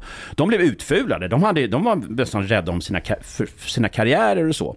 Så här eh, upprättade vi en konsensus eh, om att en total extremgrej att försvara växelkursen med 500% ränta. Det var liksom en, och, och de stora partierna var i princip med på det, framförallt Carl Bildt som var statsminister då. Va? Ehm, och då, vi är lite lagom, man vill inte sticka ut, jobbigt att vara emot gruppen. Och det kan ju kanske vara rimligt om, man, om, om gruppen har hittat en någon slags solid mittenposition som är reell. Men ofta så upprättar vi då den här mitten, mittenpunkten kring någonting som är ganska knasigt. Ett annat exempel eh, är när vi bara eh, låtsas om att det inte finns några skillnader mellan kvinnor och män biologiskt. Det, det, jag vet inte om regeringen har länge, men på regering.se kunde man länge läsa att kön är en social konstruktion. Stor på regeringens hemsida. Ja, det stod på regeringens kön är en social konstruktion. Och alla de här satsningarna på att pa, pa, Varför måste de skriva det? pappor ska vara hemma med med barn lika mycket som mammorna. Kvinnor ska plugga tech lika mycket som, som männen och så va. Eh, och det där är ju så att säga, det är ju inte en, det är ju inte en konsensusidé eller en mitten, det är en, det är en extremistisk, bisarr fantasi. Att evolutionen inte skulle efter några miljoner då på primater Men om jag- om jag- skakat fram lite Om könsskillnader. jag ska försvara den svenska hållningen lite, är det inte rätt skönt att vi i Sverige till exempel Nej det är det inte. inte, Vi har dammcykel på...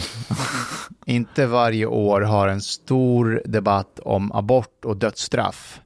Är inte det rätt skönt att vi har kommit förbi det? Nej, Nej. det är det som är problemet i det här Ska, landet. ska vi som USA varje jävla år, och speciellt när det är valår, ha en debatt om abort och dödsstraff? Har vi inte det varje Nej, valår? nej, men jo, det är det vi skönt- har. det vi Aftonbladets det? ledarsida, varje dag så ska de dra upp det för att försöka sänka KD. Ja, men det är en låtsasdebatt om just abort. Vi har All- ingen debatt om aborter. Alla partier är överens om abortfrågan. Det finns ingen, man jagar ett spöke. Eh, det, det är lite irriterande. But, but, but, but why is this like, um, I don't understand, like uh, this, is, this has nothing to do with like gender being a social construct or like, do you mean that basically these are extremist positions Nej, just de här, de här två on? frågorna om abort och dödsstraff till exempel, Ja. som i USA varje gång blossar ja. upp som, och så blir det polarisering. Jag kan tycka det är rätt skönt att vi i Sverige är typ mer eller mindre överens om att dödsstraff är ingen fråga för oss och abort, nej, Sure, but this, this is not an extreme position really.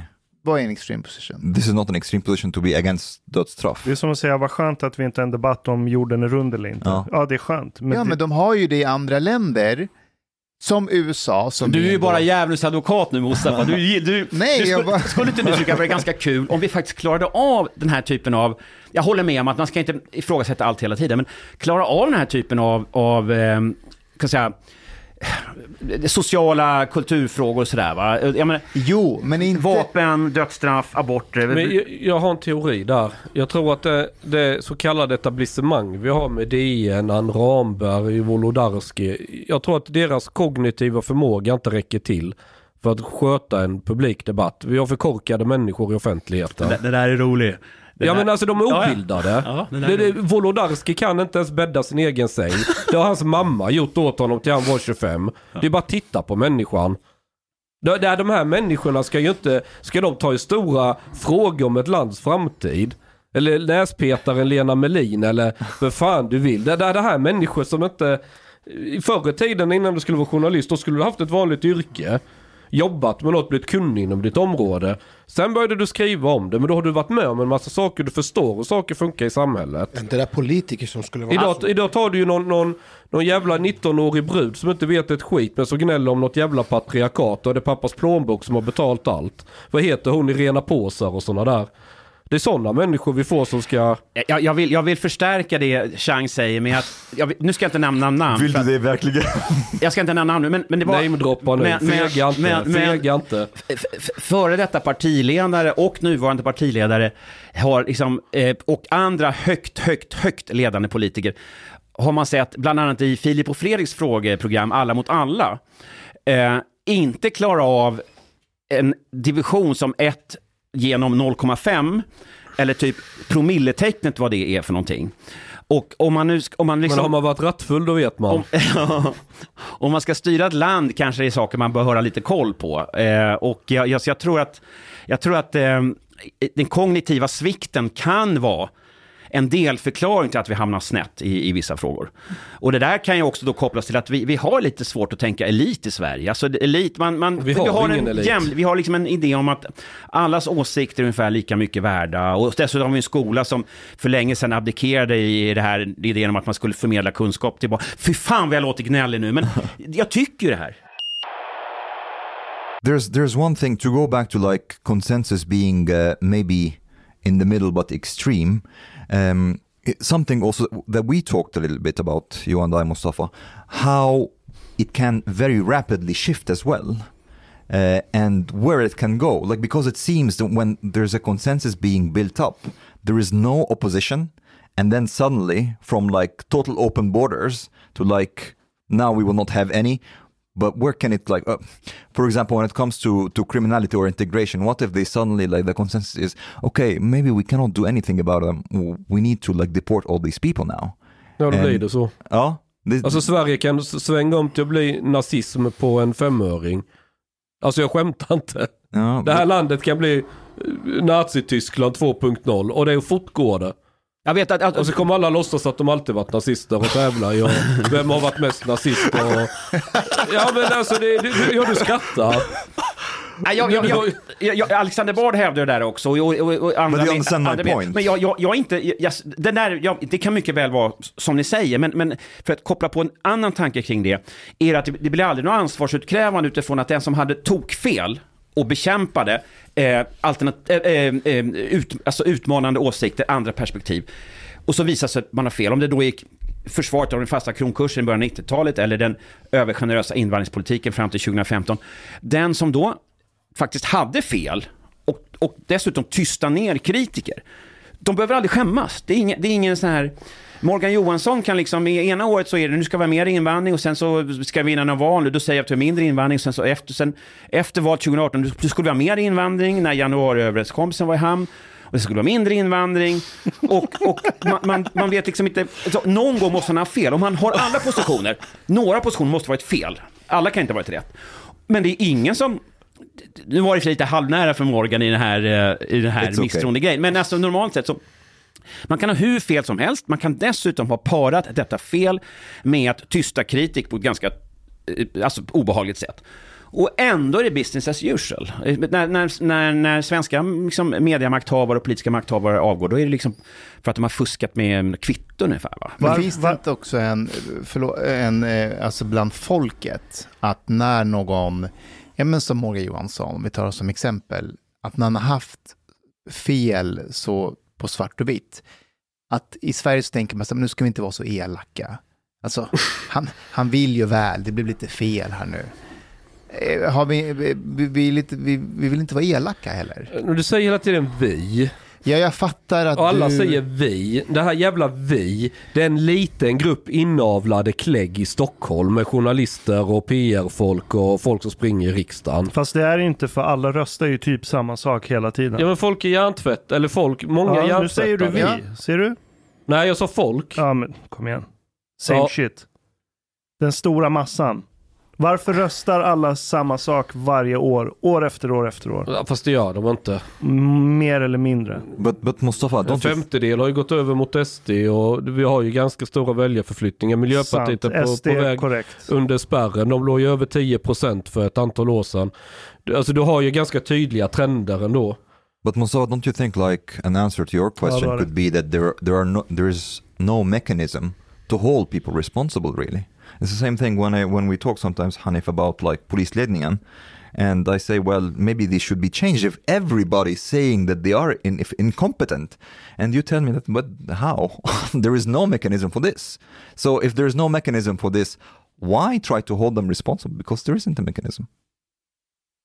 Eh, och, eh, i, I det här, det här viet, alltså vi är ju en, å ena sidan tror jag att bra för en, en, ett större, en större gemenskap att hitta, ha någon typ av kollektiv identitet, någon typ av vi, någon typ av kanske kultur, någon typ av gemensamma minnen och så vidare. Men det får inte bli så att alla drivs in i folden ska tycka samma sak. Jag har en grej som jag vill ställa en fråga till dig Hanif då. När du är ute i, i orten och eh, träffar träffar de som, dels de, de, de, de redan kriminella, men också de som du oroar över och kommer glida in så här. Hur ser det, vad är deras vi? Alltså finns, det, finns, det en, finns det en vi i Sverige eller är det, är det liksom helt... För när man läser din bok så är det ju... Det, det, det, man, man, det, man blir ju snarare pessimist än optimist skulle jag säga utifrån... Det finns inte den här idén om att vi är ändå del av samma nation, eller? Nej men de resonerar nog lite grann som Ashkan gjorde. Alltså att du inte känner dig delaktig i Sverige. Och känner sig svensk. Så, så, så resonerar de också. Ehm, Fast jag känner mig inte oinbjuden. Jag tyckte bara inte det var intressant. nej. Så känner De- nog jag också. Men de tror jag inte känner sig inbjudna, men att de Nej, aktivt verkligen. väljer Ja. att inte... De känner sig inte inbjuden och pekar på varenda grej, liten detalj. Titta här, de vill inte ha oss här. Titta här, de tittar snett på oss och det gör att de... eh, Men det är väl, det är väl en korrekt iakttagelse. Ja, och det förstärks. Men, men det är också så som jag tycker, det handlar ju också om att det är samhället som ska bjuda in. Och att det, samhället- det, är, sa- det är samhället som ska ta ansvaret och att, de, att man inte har en enskild eget ansvar. Det upplever jag största bristen. Jo men det här samhället ska ta ansvar, vad betyder det i realiteten? Det innebär i ansvar. realitet, alltså re- rent praktiskt så säger till exempel eh, barnen eller föräldrarna så här, varför ger inte ni samhället våra barn jobb? Varför kan inte ni ge, ge oss de här, alltså resonemanget är på det sättet. Den inställningen gör att med den inställningen så blir man inte själv, ah, man, man bidrar inte för att försöka inkludera sig. Eh, och man växer upp i det. Och eh, dels föräldrarna som berättar för barnen men också den här eh, att inte vuxna har ju den alltså, förhoppningen om att de här barnen ska, det ska gå bra för. Och då, då man förstärker den här idén om att man inte tillhör svenska samhället och Men vi tar en 15-åring som, som kämpar på i skolan, som har en tydlig idé om att jag ska gå gymnasiet, men som inte känner sig som en del av ett så att säga, stort svenskt vi. Är hans eller hennes idé ändå att jag ska, jag ska tjäna pengar, jag ska ha bra jobb, betala skatt och liksom utmejsla en tillvaro i det här, alltså så att säga, i, inom gränsen, det geografiska området Sverige, men jag, jag tar inte del av svenska. Så skulle jag kunna tänka mig om jag flyttade till, av olika skäl, då, om jag flyttar till, säg, ja, men Egypten, Omar, jag, jag skulle inte tänka att jag ska bli egyptier. Jag skulle tänka att ja, jag är, jag är, jag är svennebanan. But you know, Jag vill staka ut en framtid i Egypten. the difference is there is a the the culture there there is no way that anybody in Egypt would see you as Egyptian there is not this hope to begin with you're a foreigner and you will always be a foreigner you're not Egyptian you can have a life here but you are not a part of us you're not one of us Du är för vit, Erik. Mm?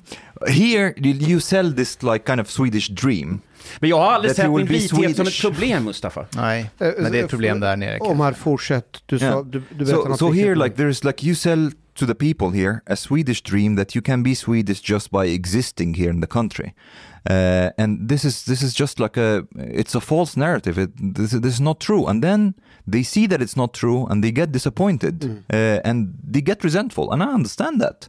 But if if like since the beginning you say well okay we we have like uh, this system and for you to be a part of it you don't have to be like really swedish but for you to be a part of it you need to do this and this and that and then you will be a functioning part of this system uh, Ska man börja med att säga så här, välkommen hit, du kommer aldrig bli svensk. Ha alltid det i åtanke. Och det här är vad vi förväntar oss av dig. Det är But you know what? The thing ärligt. is- det är the- ärligt. uh, and the thing is the people who are coming here they will not think this is weird at all Det tror jag faktiskt inte heller. ah, they, for, for them this idea that, uh, Vad, that vad är det som får dig att tro att vi skulle vilja bli en del av er, skulle de säga, resonera? No. Varför, vad som, but, but they will be like of course we're not swedish Jag, jag, är ju upp, Ja. jag är ju född och uppvuxen i Sverige och jag vill inte vara en del av det som är svenskt.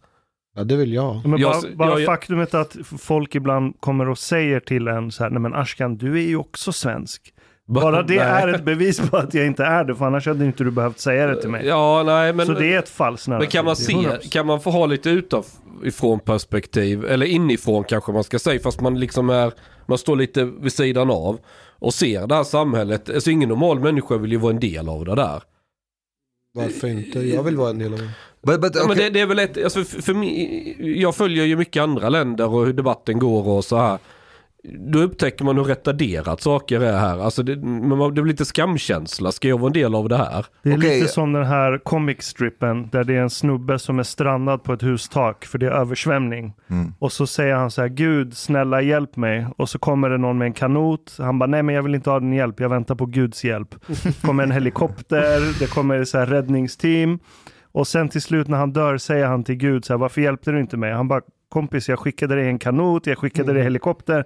Det är samma sak här. Så samhället hjälper inte oss att få jobb.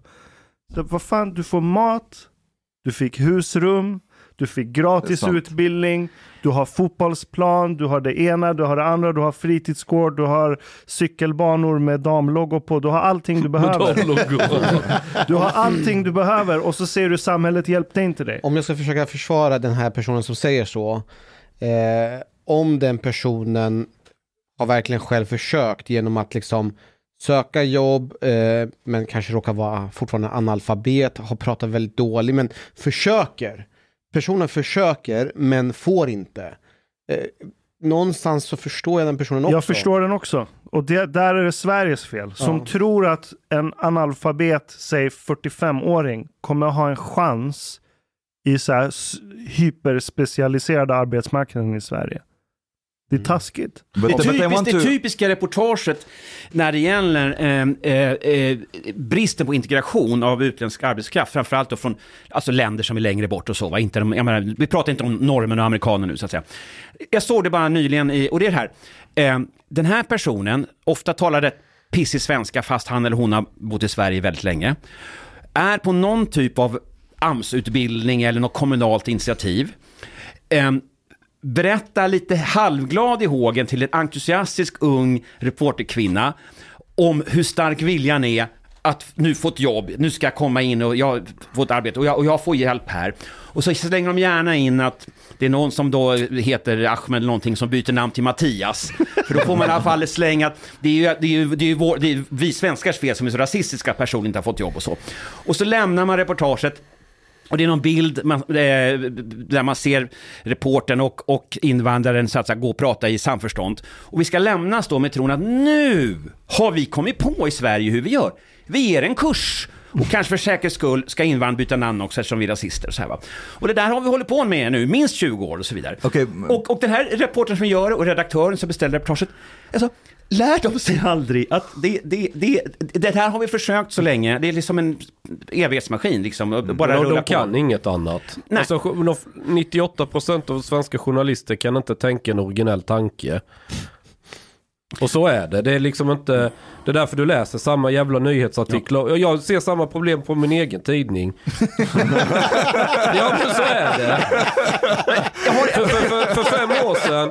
För, för, fem år sedan så, ja det drog en jävla massa klick. Någon afghan hade, jag vet inte, åkt dit för att tafsa på någon eller vad fan det var. Det var tafsvakter på badhus och sån här grej.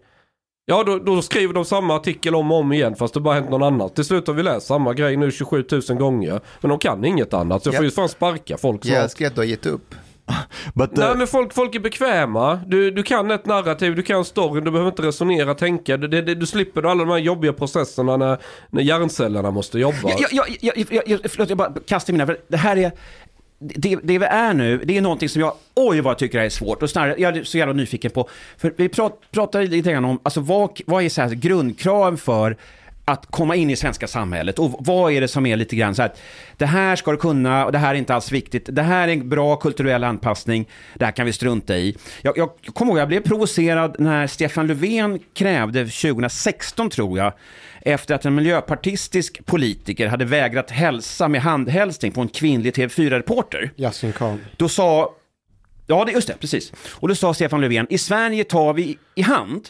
Jag blir provocerad av det, för men fan är han att säga hur vi ska hälsa? Är inte det mitt sätt att bestämma? Om, om det nu den här Yassikan gör en respektfylld hälsning som stämmer med hans religion, till den här kvinn, vilket han gjorde till den här kvinnliga reporten.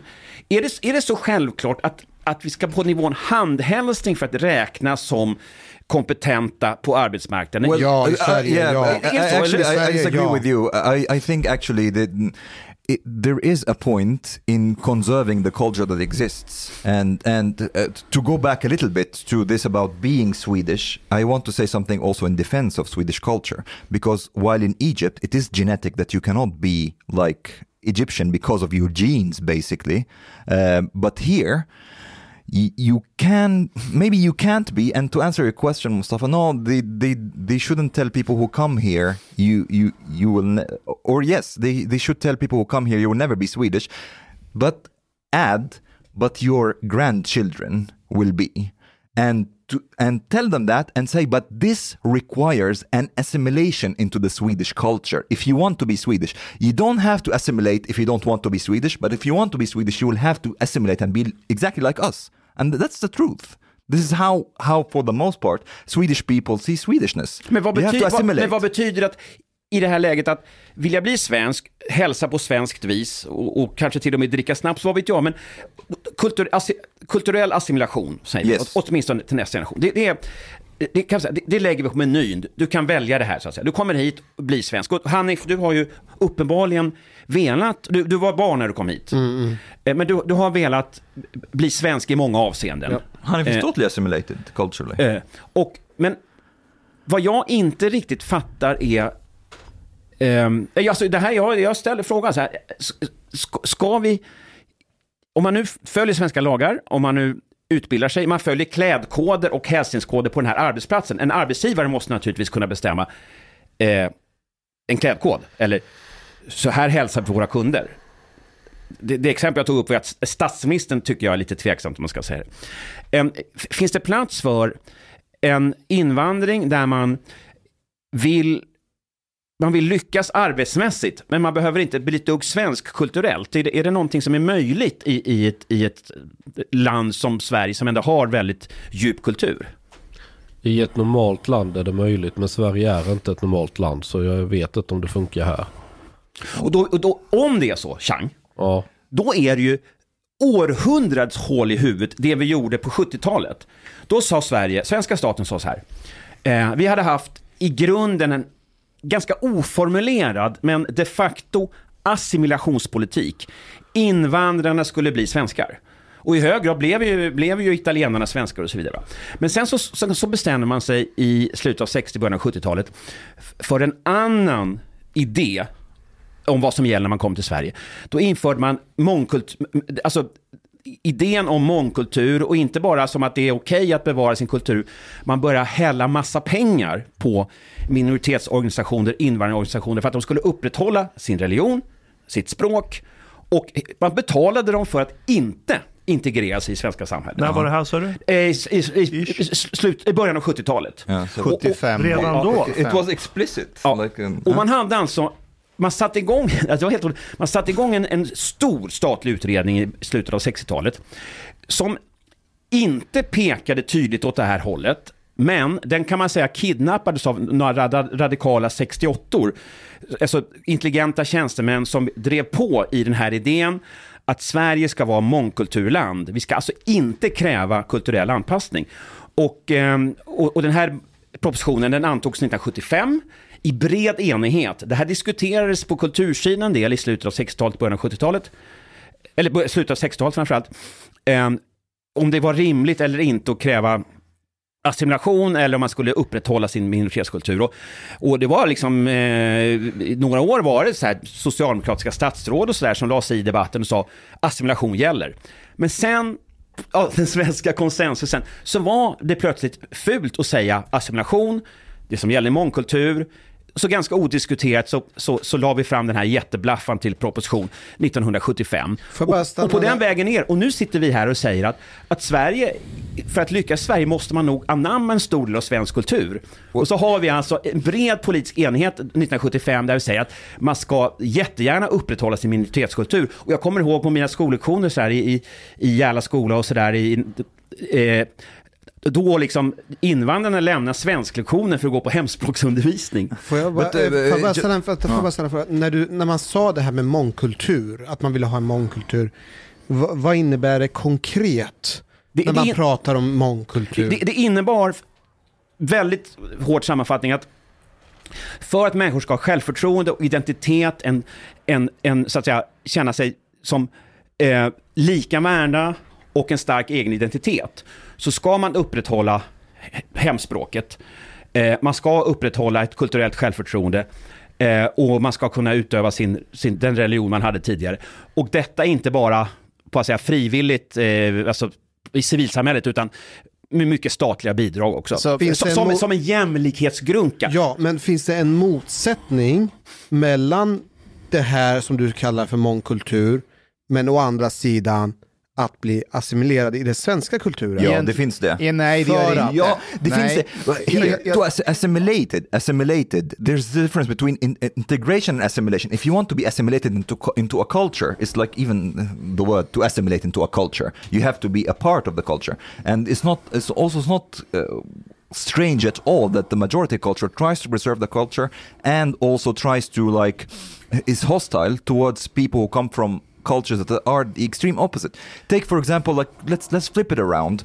Uh, this person who's not like uh, shaking hands with like women here in Sweden, it would be the same thing if like people, Swedish people, would go to Egypt and say, uh, and they they want to like kiss at the workplace.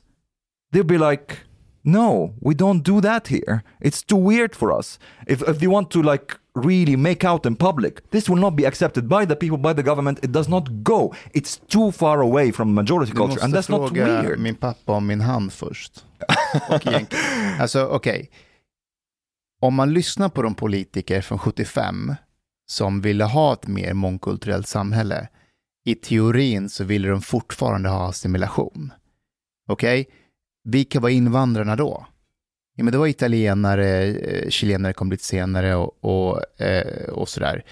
Det de menade, det var ju att, ja, alltså hemspråk, eh, laga mat, en kulturell identitet. Men de, de, sa ju in, de menade ju inte att man skulle kompromissa med lagarna, lagstiftning. Eller Eller, värderingar till och med kanske. nej, allt det var ju fan, det var ju Europa. Det var ju därifrån de kom. Så i teorin vill man fortfarande ha eh, assimilation. I praktiken senare med den flyktinginvandringen som kom senare, då blev det ju, då har de själva sagt, det var inte det här vi menade. Sen ni, Om man planerade efter gott väder ungefär. Alltså, Ja. alltså min, en mi- mindre kulturell friktion, inte lika höga volymer heller. Och då, då verkar det kanske rimligt att bjussa på hemspråk och så. som en stor man en gång sa, vi var naiva. Men, men Mustafa, för, om vi går tillbaka till det här, håller du med i vad Omar säger? Köper du Omars resonemang kring att, eh, att man måste mer eller mindre assimilera och då måste man ta bort en vissa grejer och att det är det som är enda rimliga? Det beror på vad man menar med assimilera. Jag tycker att man ska skaka hand på arbetsplatsen med varandra. Sen kan man gå hem och eh, ha handen på hjärtat när man hälsar på sin kusin. Eh, Det måste finnas ett utrymme för det. det Badtider, eh, simhallar, badtider. Alltså ska man ha, ha frisätta vissa timmar för bara kvinnor för att annars kommer de kanske inte att simma alls. Det beror på vad syftet Nej. är. Om, syfte, vänta, om syftet är att säga så här, okej, de kom hit igår i måndags från länder där man är heltäckt och nu på tisdag vill vi att de ska på sig bikini och bada i simhallar. Vi gör så här, vi, vi separerar under en tid för att lära dem långsamt att börja bada med andra. Okej, om syftet är att behandla olika i början för att sen behandla lika, då köper jag det. Men om man säger nej, vi ska bara separera, de, de klarar inte av att bada med alla andra, det går bara inte. Men är Nej, inte det här fel. sve- din svenska exceptionalism som spökar? Att vi tror att vi ens kan få dem att vilja bada med män. Bara de får testa att bada i en svensk Exakt. simhall en stund så kommer de sakta men säkert säga var är männen? Och så kommer de inte vilja ha separata Nej, badtider. nej, det är att man är tydlig från början och säger så här, ja, alltså som ni ser så badar ju män och kvinnor tillsammans med varandra. Eh, vi förstår om det är en chock i början, så måste lära, men ni måste ändå lära er simma. Så vi ger er det här safe spacet där ni kan lära er simma, men också att ni med tiden börjar, ni måste bada med alla andra, det är så vi badar och simmar i Sverige. Då kan jag förstå syftet. Mustafa, think- you're underestimating like also the, the, the cultural aspects of no like if you say from these are very assertive cultures that come to Sweden and you don't you like offering them these options you are showing them that they can have their way here in Sweden do you think that they will stop like the, you will replicate this like then their their children and their grandchildren they will also sim uh, uh, swim in like uh, separata badtider därför att, därför att när man kommer så säger man, ni går den här kursen, eller man ska säga, 6-8 veckor, sen finns det inte längre. And do you think and they're like, aha, okay. No, I don't think so. I think like if, if since the beginning you're like you show that you are standing your ground and this is how we have it here in Sweden. But- and it's like there has been even like girls who like uh, who, I had a, a friend. She's like uh, half Somali, half Libyan. She came to Sweden like for maybe ten years ago or something like this, and she's like she was conservative at the time, conservative Muslim. And I told her like, no, I'm against, for example, like separate uh, like. Um, gym sections for women and so on. And we discussed it a bit, and she said, huh, well, you know what? Maybe this is also good. If we don't have that option, we will do it anyways. Like, if she goes and tells her father, like, you know, like, this is the only way I can go to the gym, or this is the only way I can swim, or whatever, then this will be the Och case. vad händer om pappan säger, då får du inte gå till gymmet eller bada eller simma alls? there, will, there will be there will be these people yes but but at the same time these these are like more extreme there is a lot of people who be like huh shit this sucks like for example if you if you say that we don't accept hijab at school there is a lot of actually a lot of parents who will be like okay whatever fuck them uh, don't go with hijab to the school you know this is the way that swedes have had i think people underestimate how many Jag tror, of att, these jag, people tror, jag tror att exist det är en viss skillnad på att täcka håret och säga okej min, mitt barn förtjänar ändå en utbildning Mm, och att klä av sig i princip naken och gå till simhallen Mustafa. och bada. Och Omar, jag skulle säga att Omar har lite poäng här. Jag har själv märkt det när man träffar så här väldigt mycket babbiga invandrare. De förväntar sig som svensk att man kommer backa. Men drar jag fram mitt babbechang, vilket då utbabbar jag dem. De, alltså, nej men jag, jag skojar inte. De, folk ger sig i 99 fall av 100 att okej, okej då, du vinner. Så att, men svenskar har ju inte den här, man är rädd för konflikter, man är rädd att säga fel och man vågar liksom inte vara lite aggro och, och, och, och säga emot. Ja. Känner de den lukten av en att fan den här killen menar allvar, nej då vill de inte ha konflikt för att det, det är teater, 99% är teater i den Ja, här arabiska kulturen allt vad det är. Men Omar, om vi tar en eh, chilenare som har kommit hit, eh, som i, i sitt hemland håller på och dansar, äter sin mat och har sina kulturella grejer. Men i praktiken när de är här så jobbar de och gör allting precis som alla andra.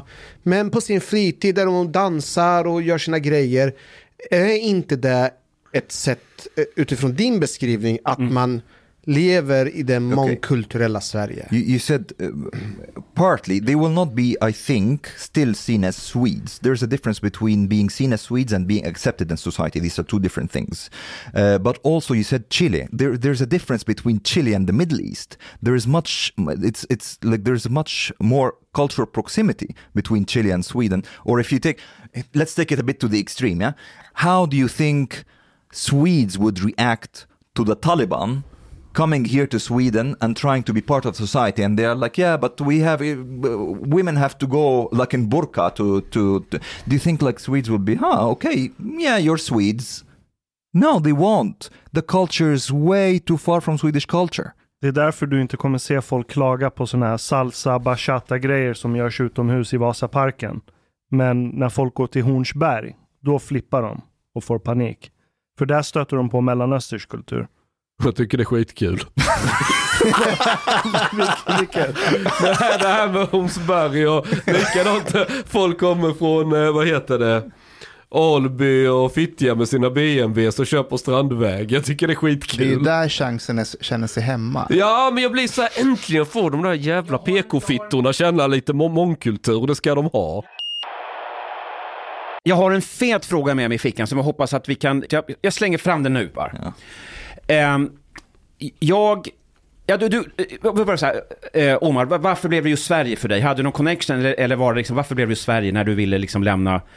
Be- because I did a cultural religious conversion, one can say. Ja, och, men varför blev just Sverige? Varför inte Norge eller Tyskland eller? Varför inte ett normalt land? Well, mm, it's actually it's, it's pretty easy. Like uh, you kind of see which which country you would have like the best life in. Oh. So, for example, here in Sweden, like you would get like permanent residence without like even having to to speak the language. You you can work from day one uh, when you seek Ja, asylum and so on. ja, ing, ing, Inga konstigt svar. Det, det, jag, ungefär det jag hade förväntat mig. Och, och så här, men det som jag tycker då är så ehm, otroligt, en av de otroligt sorgliga sakerna med att, nu har vi suttit här och pratat om invandring som problem och så vidare. Sverige har då dels varit ett otroligt succéfyllt invandringsland på eh, decennierna efter andra världskriget. Vi har gett en massa människor från en massa problematiska länder en chans att bygga ett nytt liv. Och det finns en massa invandrare som kommit till Sverige och gjort fantastiska saker och berikat vårt land på riktigt. Jag menar, om det är då en Zlatan eller om det är någon Ashkan som gör musik eller vad, vad, vad, som helst. Um, hur, och om jag ställer frågan runt här, vad har vi fått som är bra på grund av en allmän generös invandring och kanske också den dumgenerös jämfört med ett land som Finland eller kan, kan vi inte liksom, vad, vad, vad har vi vunnit? För det måste ju finnas vinster också. Måste det det? Eh, nej, måste och måste. Eh, ja, jag sa ju Zlatan och... och Ja men vad, du sa det, vad, vad har vi som inte Finland har? Det är väl gängskjutningar och balkongflickor och, ja vi alltså, det, det finns en annan sån vi, har, vi sitter ju gnäller om det hela tiden. Nu menar han, kan vi se något positivt? Ja men det finns, här är en intressant sak. Jag kommer ihåg när jag var med i SD för jättelänge sedan nu. Så körde man resonemanget att eh, om man inte har invandring, vem ska baka alla våra pizzor Eh, och kebaben? Eh. Och så sa jag det, ja det finns ju sushi-ställen fan i varenda jävla gathörn. Var är alla japaner? Har du sett dem? Jag har inte sett dem. Det finns ett ställe där det finns Eh, japaner. Ja exakt, jo men det, det blir liksom eh, eh, nästan lite Nej, men Chang. Chang, jag håller med om att det är självklart så har de har ju massa... eh, Man behöver inte ha mycket invandring för att ha liksom eh, internationell mat. Självklart Nej inte. men nej, exakt, hela Men- poängen, vi kan ta in Du säger så här, vi har, vi, har, vi har typ inga vinster. Jag, jag, Alexander Isak och Zlatan Ibrahimovic är ju vinster kan man ju säga då. Men, men okej, fair. Men är det någon, är det, nå- är det någon av er- För jag, jag, kan, jag tror ju nämligen, du sa nyss Chang, det är ju ballt med de här eh, eh, kaosblattarna som, som kör eh, ut på Strandvägen, alltså s- racear så att de stör rikingarna på Strandvägen och så. va? Det, är ju, det är ju lite ballt. Ja, det, är, det är rättvisa. Ja, du, det. Men, men kan man inte se det som, kan, det inte vara så att vi har blivit lite, får lite vidare perspektiv på vad det är att vara människa? Kanske till och med tänker i, får idéer som inte skulle ha, om, om vi levde mer så att säga homogent och 1900-tal versus det vi lever nu. This, this is actually what I was thinking about. Like maybe we didn't like, or Sweden didn't get like really, I don't know how much material benefit from from uh, the recent waves of migration, but I think it will give a wider perspective generally uh, than being culturally isolated in a sense. Så Sverige har radikalt förändrats sedan 90-talet och blivit extremt mer internationellt, öppensinnigt och bla bla bla. Men frågan är, är det vad majoriteten av svenskarna vill? Alltså, utgångspunkten här är väl att, att det kanske åtminstone senare år har varit mer minus än plus för liksom, alltså om vi, om vi gör någon slags välfärdsfunktion på hur, hur utvecklar vi samhället. Men, men, men jag tycker att Alltså, det, det, att, att de åtminstone försöka, jag, jag kan ju tycka att det kanske bara är skitlöjligt, men jag tycker det är ballt att, att sådana som ni har Såna någon gång som i era, era, era ursprungsländer, har era föräldrar och så, eh, kommit på att det här är, ett, vad, vad, vad, alla garvar, jag hörde inte vad du sa. Är inte jag svensk för dig? Sådana Erik? Du sa Som ni. sådana som ni. Jag skojar bara. Ja, nej men som, ni, ni kommer ju någonstans ifrån, beroende på att, för att föräldrar och så att det, hit styr vi kosan. Är för inte det jag finns svensk? För dig? Ja, men eh, Ashkan, du kan inte vara svensk när Nej, du men inte jag- själv tycker att du är svensk. Jag kan ha fel, men jag, jag, jag trodde du invandrade efter noll års ålder. Ja, du har rätt. Ja, så. så att, och, och det beror på att någon i din, som har så att sagt, tagit hand om dig när du var barn, styrde kosan hit. Och det gör man ju inte till världens sämsta land, troligtvis. Eh, och, och sådär. Så att jag, jag inbillar mig att, att när vi håller på och, och eh, dealar med det här utifrån f- få in folk eh, eh, på arbetsmarknaden, talar om de här kulturella, hur mycket svensk måste man vara? Att i det här krångliga så kanske vi bara genom att jobba med våra hjärnor eh, lär oss någonting på kuppen och så. Va? så att, för att, och det, sen är det bara socialpsykologiskt. Det är bara så här, jag orkar inte deppa hela tiden. Nu, nu har vi så att säga tagit fan i båten, nu får vi ro honom i land. Jag menar, no, eh, någonting, någonting bra trillar väl ut. Jag har nämnt några landslagsspelare i fotboll som inte Finland har liksom. Eh, Chang, eh, ja, du, du pratade om de som pajar för överklassen på Strandvägen. Men, men är, det- är det någon som har något, du är ändå lite med mig Omar här, att det, det kan ha tvingat oss att tänka tankar vi annars inte, inte hade tänkt om, om oss själva och om vår plats i världen. That, that's true, but at the same time, I don't think there is a we anymore, especially with the longer term perspective, because I think the the the old Swedish old and old, like the, even the contemporary Swedish culture, will be gone in the in the coming decades. Um, it will be a different culture because of migration. So basically, you have I don't I don't want to say annihilated yourselves, but like you have transformed yourselves into something else. Det Um, tror inte jag. Det, det där, det, så kan det se ut om du är inne i stadskärnor, men åk utanför storstäderna så tror jag det du kallar contemporary, eller klassisk svensk kultur. No, no, not now. I'm saying I'm I'm saying like in, in maybe 20, 30, 40, 50 years. Nej, absolut inte. Det tar mycket längre tid för kultur att liksom vittra bort. Vi pratar 100-200 år, om ens det. Och då är det för att det finns någon tryckkraft på den kulturen. But you don't you don't think we, we talked a bit about that, the point of no return, where the basically the people who have come here from an opposite culture will reach a number that basically it's it's Då snackar vi om något annat. Ja, Yeah. om, om, om den svenska folkgruppen förblir steril som den är idag. Vad har vi för reproduktionstal i Sverige? I Den, think uh, fertility rate is one. Va? Uh, one Nej. 1.0 something. Yes, I är think vi so. under två? Oh, yeah, yeah. Fuck. Or, or, or actually, may, maybe more, but like un, under two. Shit.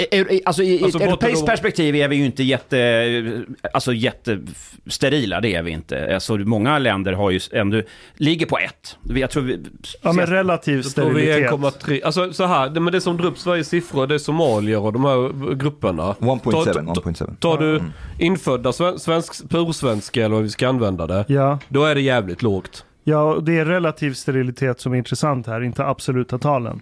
Så ja, om relativa steriliteten pekar åt icke-svenska folkgruppen, Which it does. Ja. om det fortsätter så...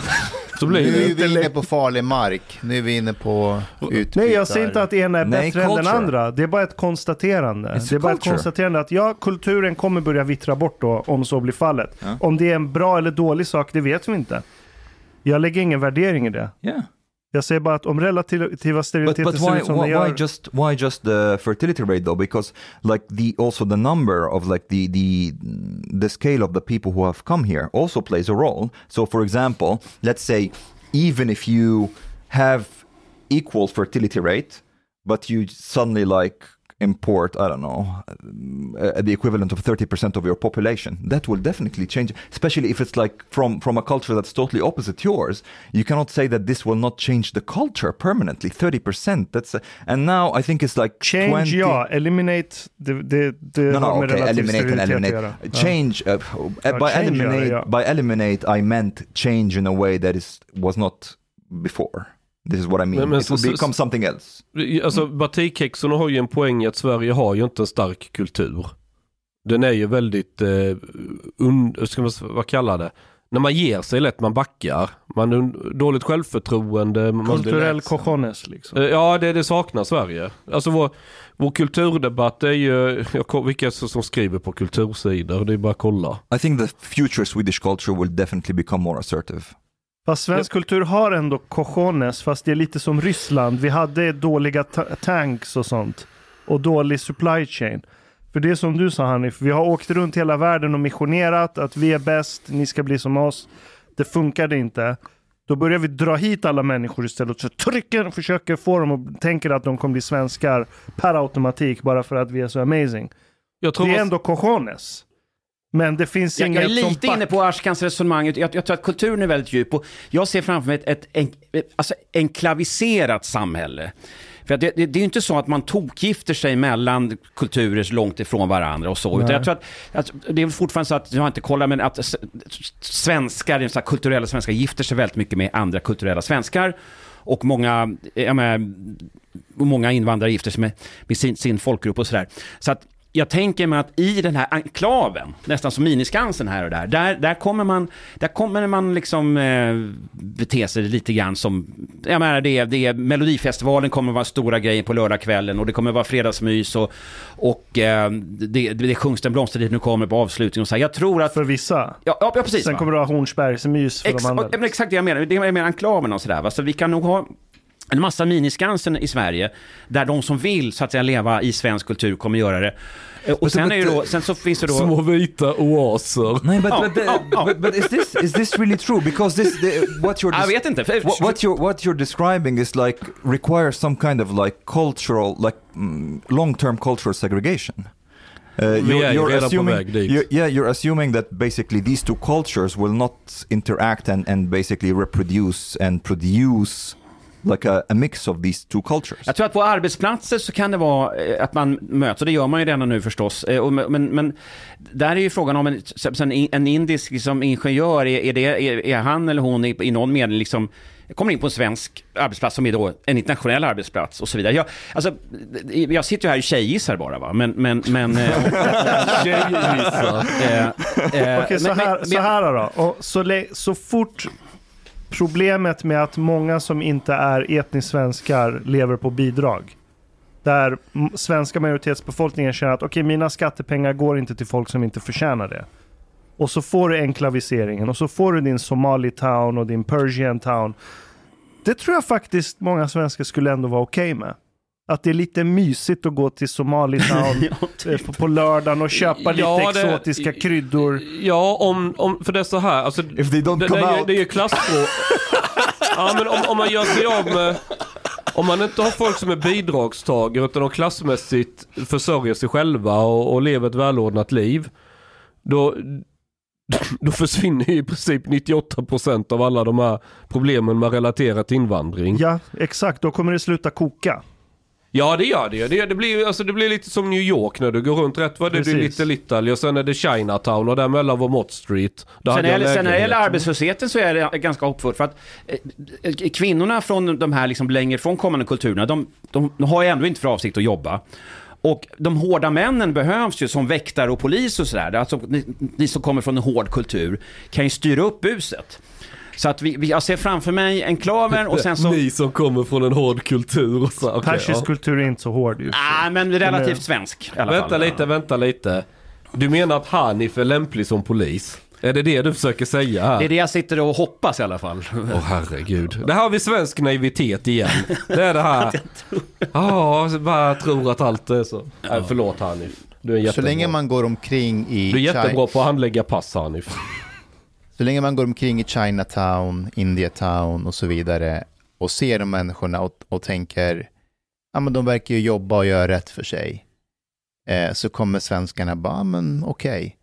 Eh, så länge det inte är, fy fan, där lever de på mina skattepengar där. And as Det är det stora, stora, Ja. stora and problemet. det är det. Men det är, också så, det är också så här, du måste tänka på en sak. Svenskar reser runt i världen.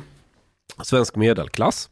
Och sen åker de till New York, de åker till Paris, de åker till alla fina ställen man ska åka till. Italien. Venedig. Ja, men käften. Och sen, och sen så träffar de andra människor som också är medelklass. Även när de åker till Irak eller någonstans så träffar de, det finns ju lite medelklass även i Bagdad. Och medelklass runt om i, i världen, de har ganska så samma, eh, vad ska man säga, liknande intressen, liknande världssätt att vara på och, hela den här biten. För medelklassen i Irak har ju också rest runt i världen och tagit till sig och, och, det blir mycket mer kompatibel. Och sen kommer batikhäxan hem till Sverige igen och tänkte att ja men nu har jag ju sett världen.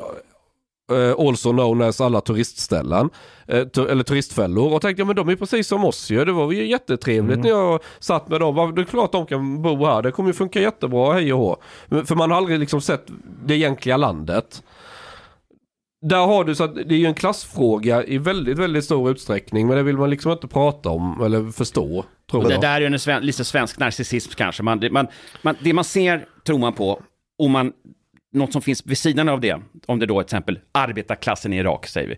Ja, Se, ser, man, ser man inte, för de, de har man inte. en arbete. Men det är där exceptionalismen kommer in. För det gör inget om de inte kommer från medelklassen i sitt land. Så fort de kommer till Sverige kommer de klättra upp till den.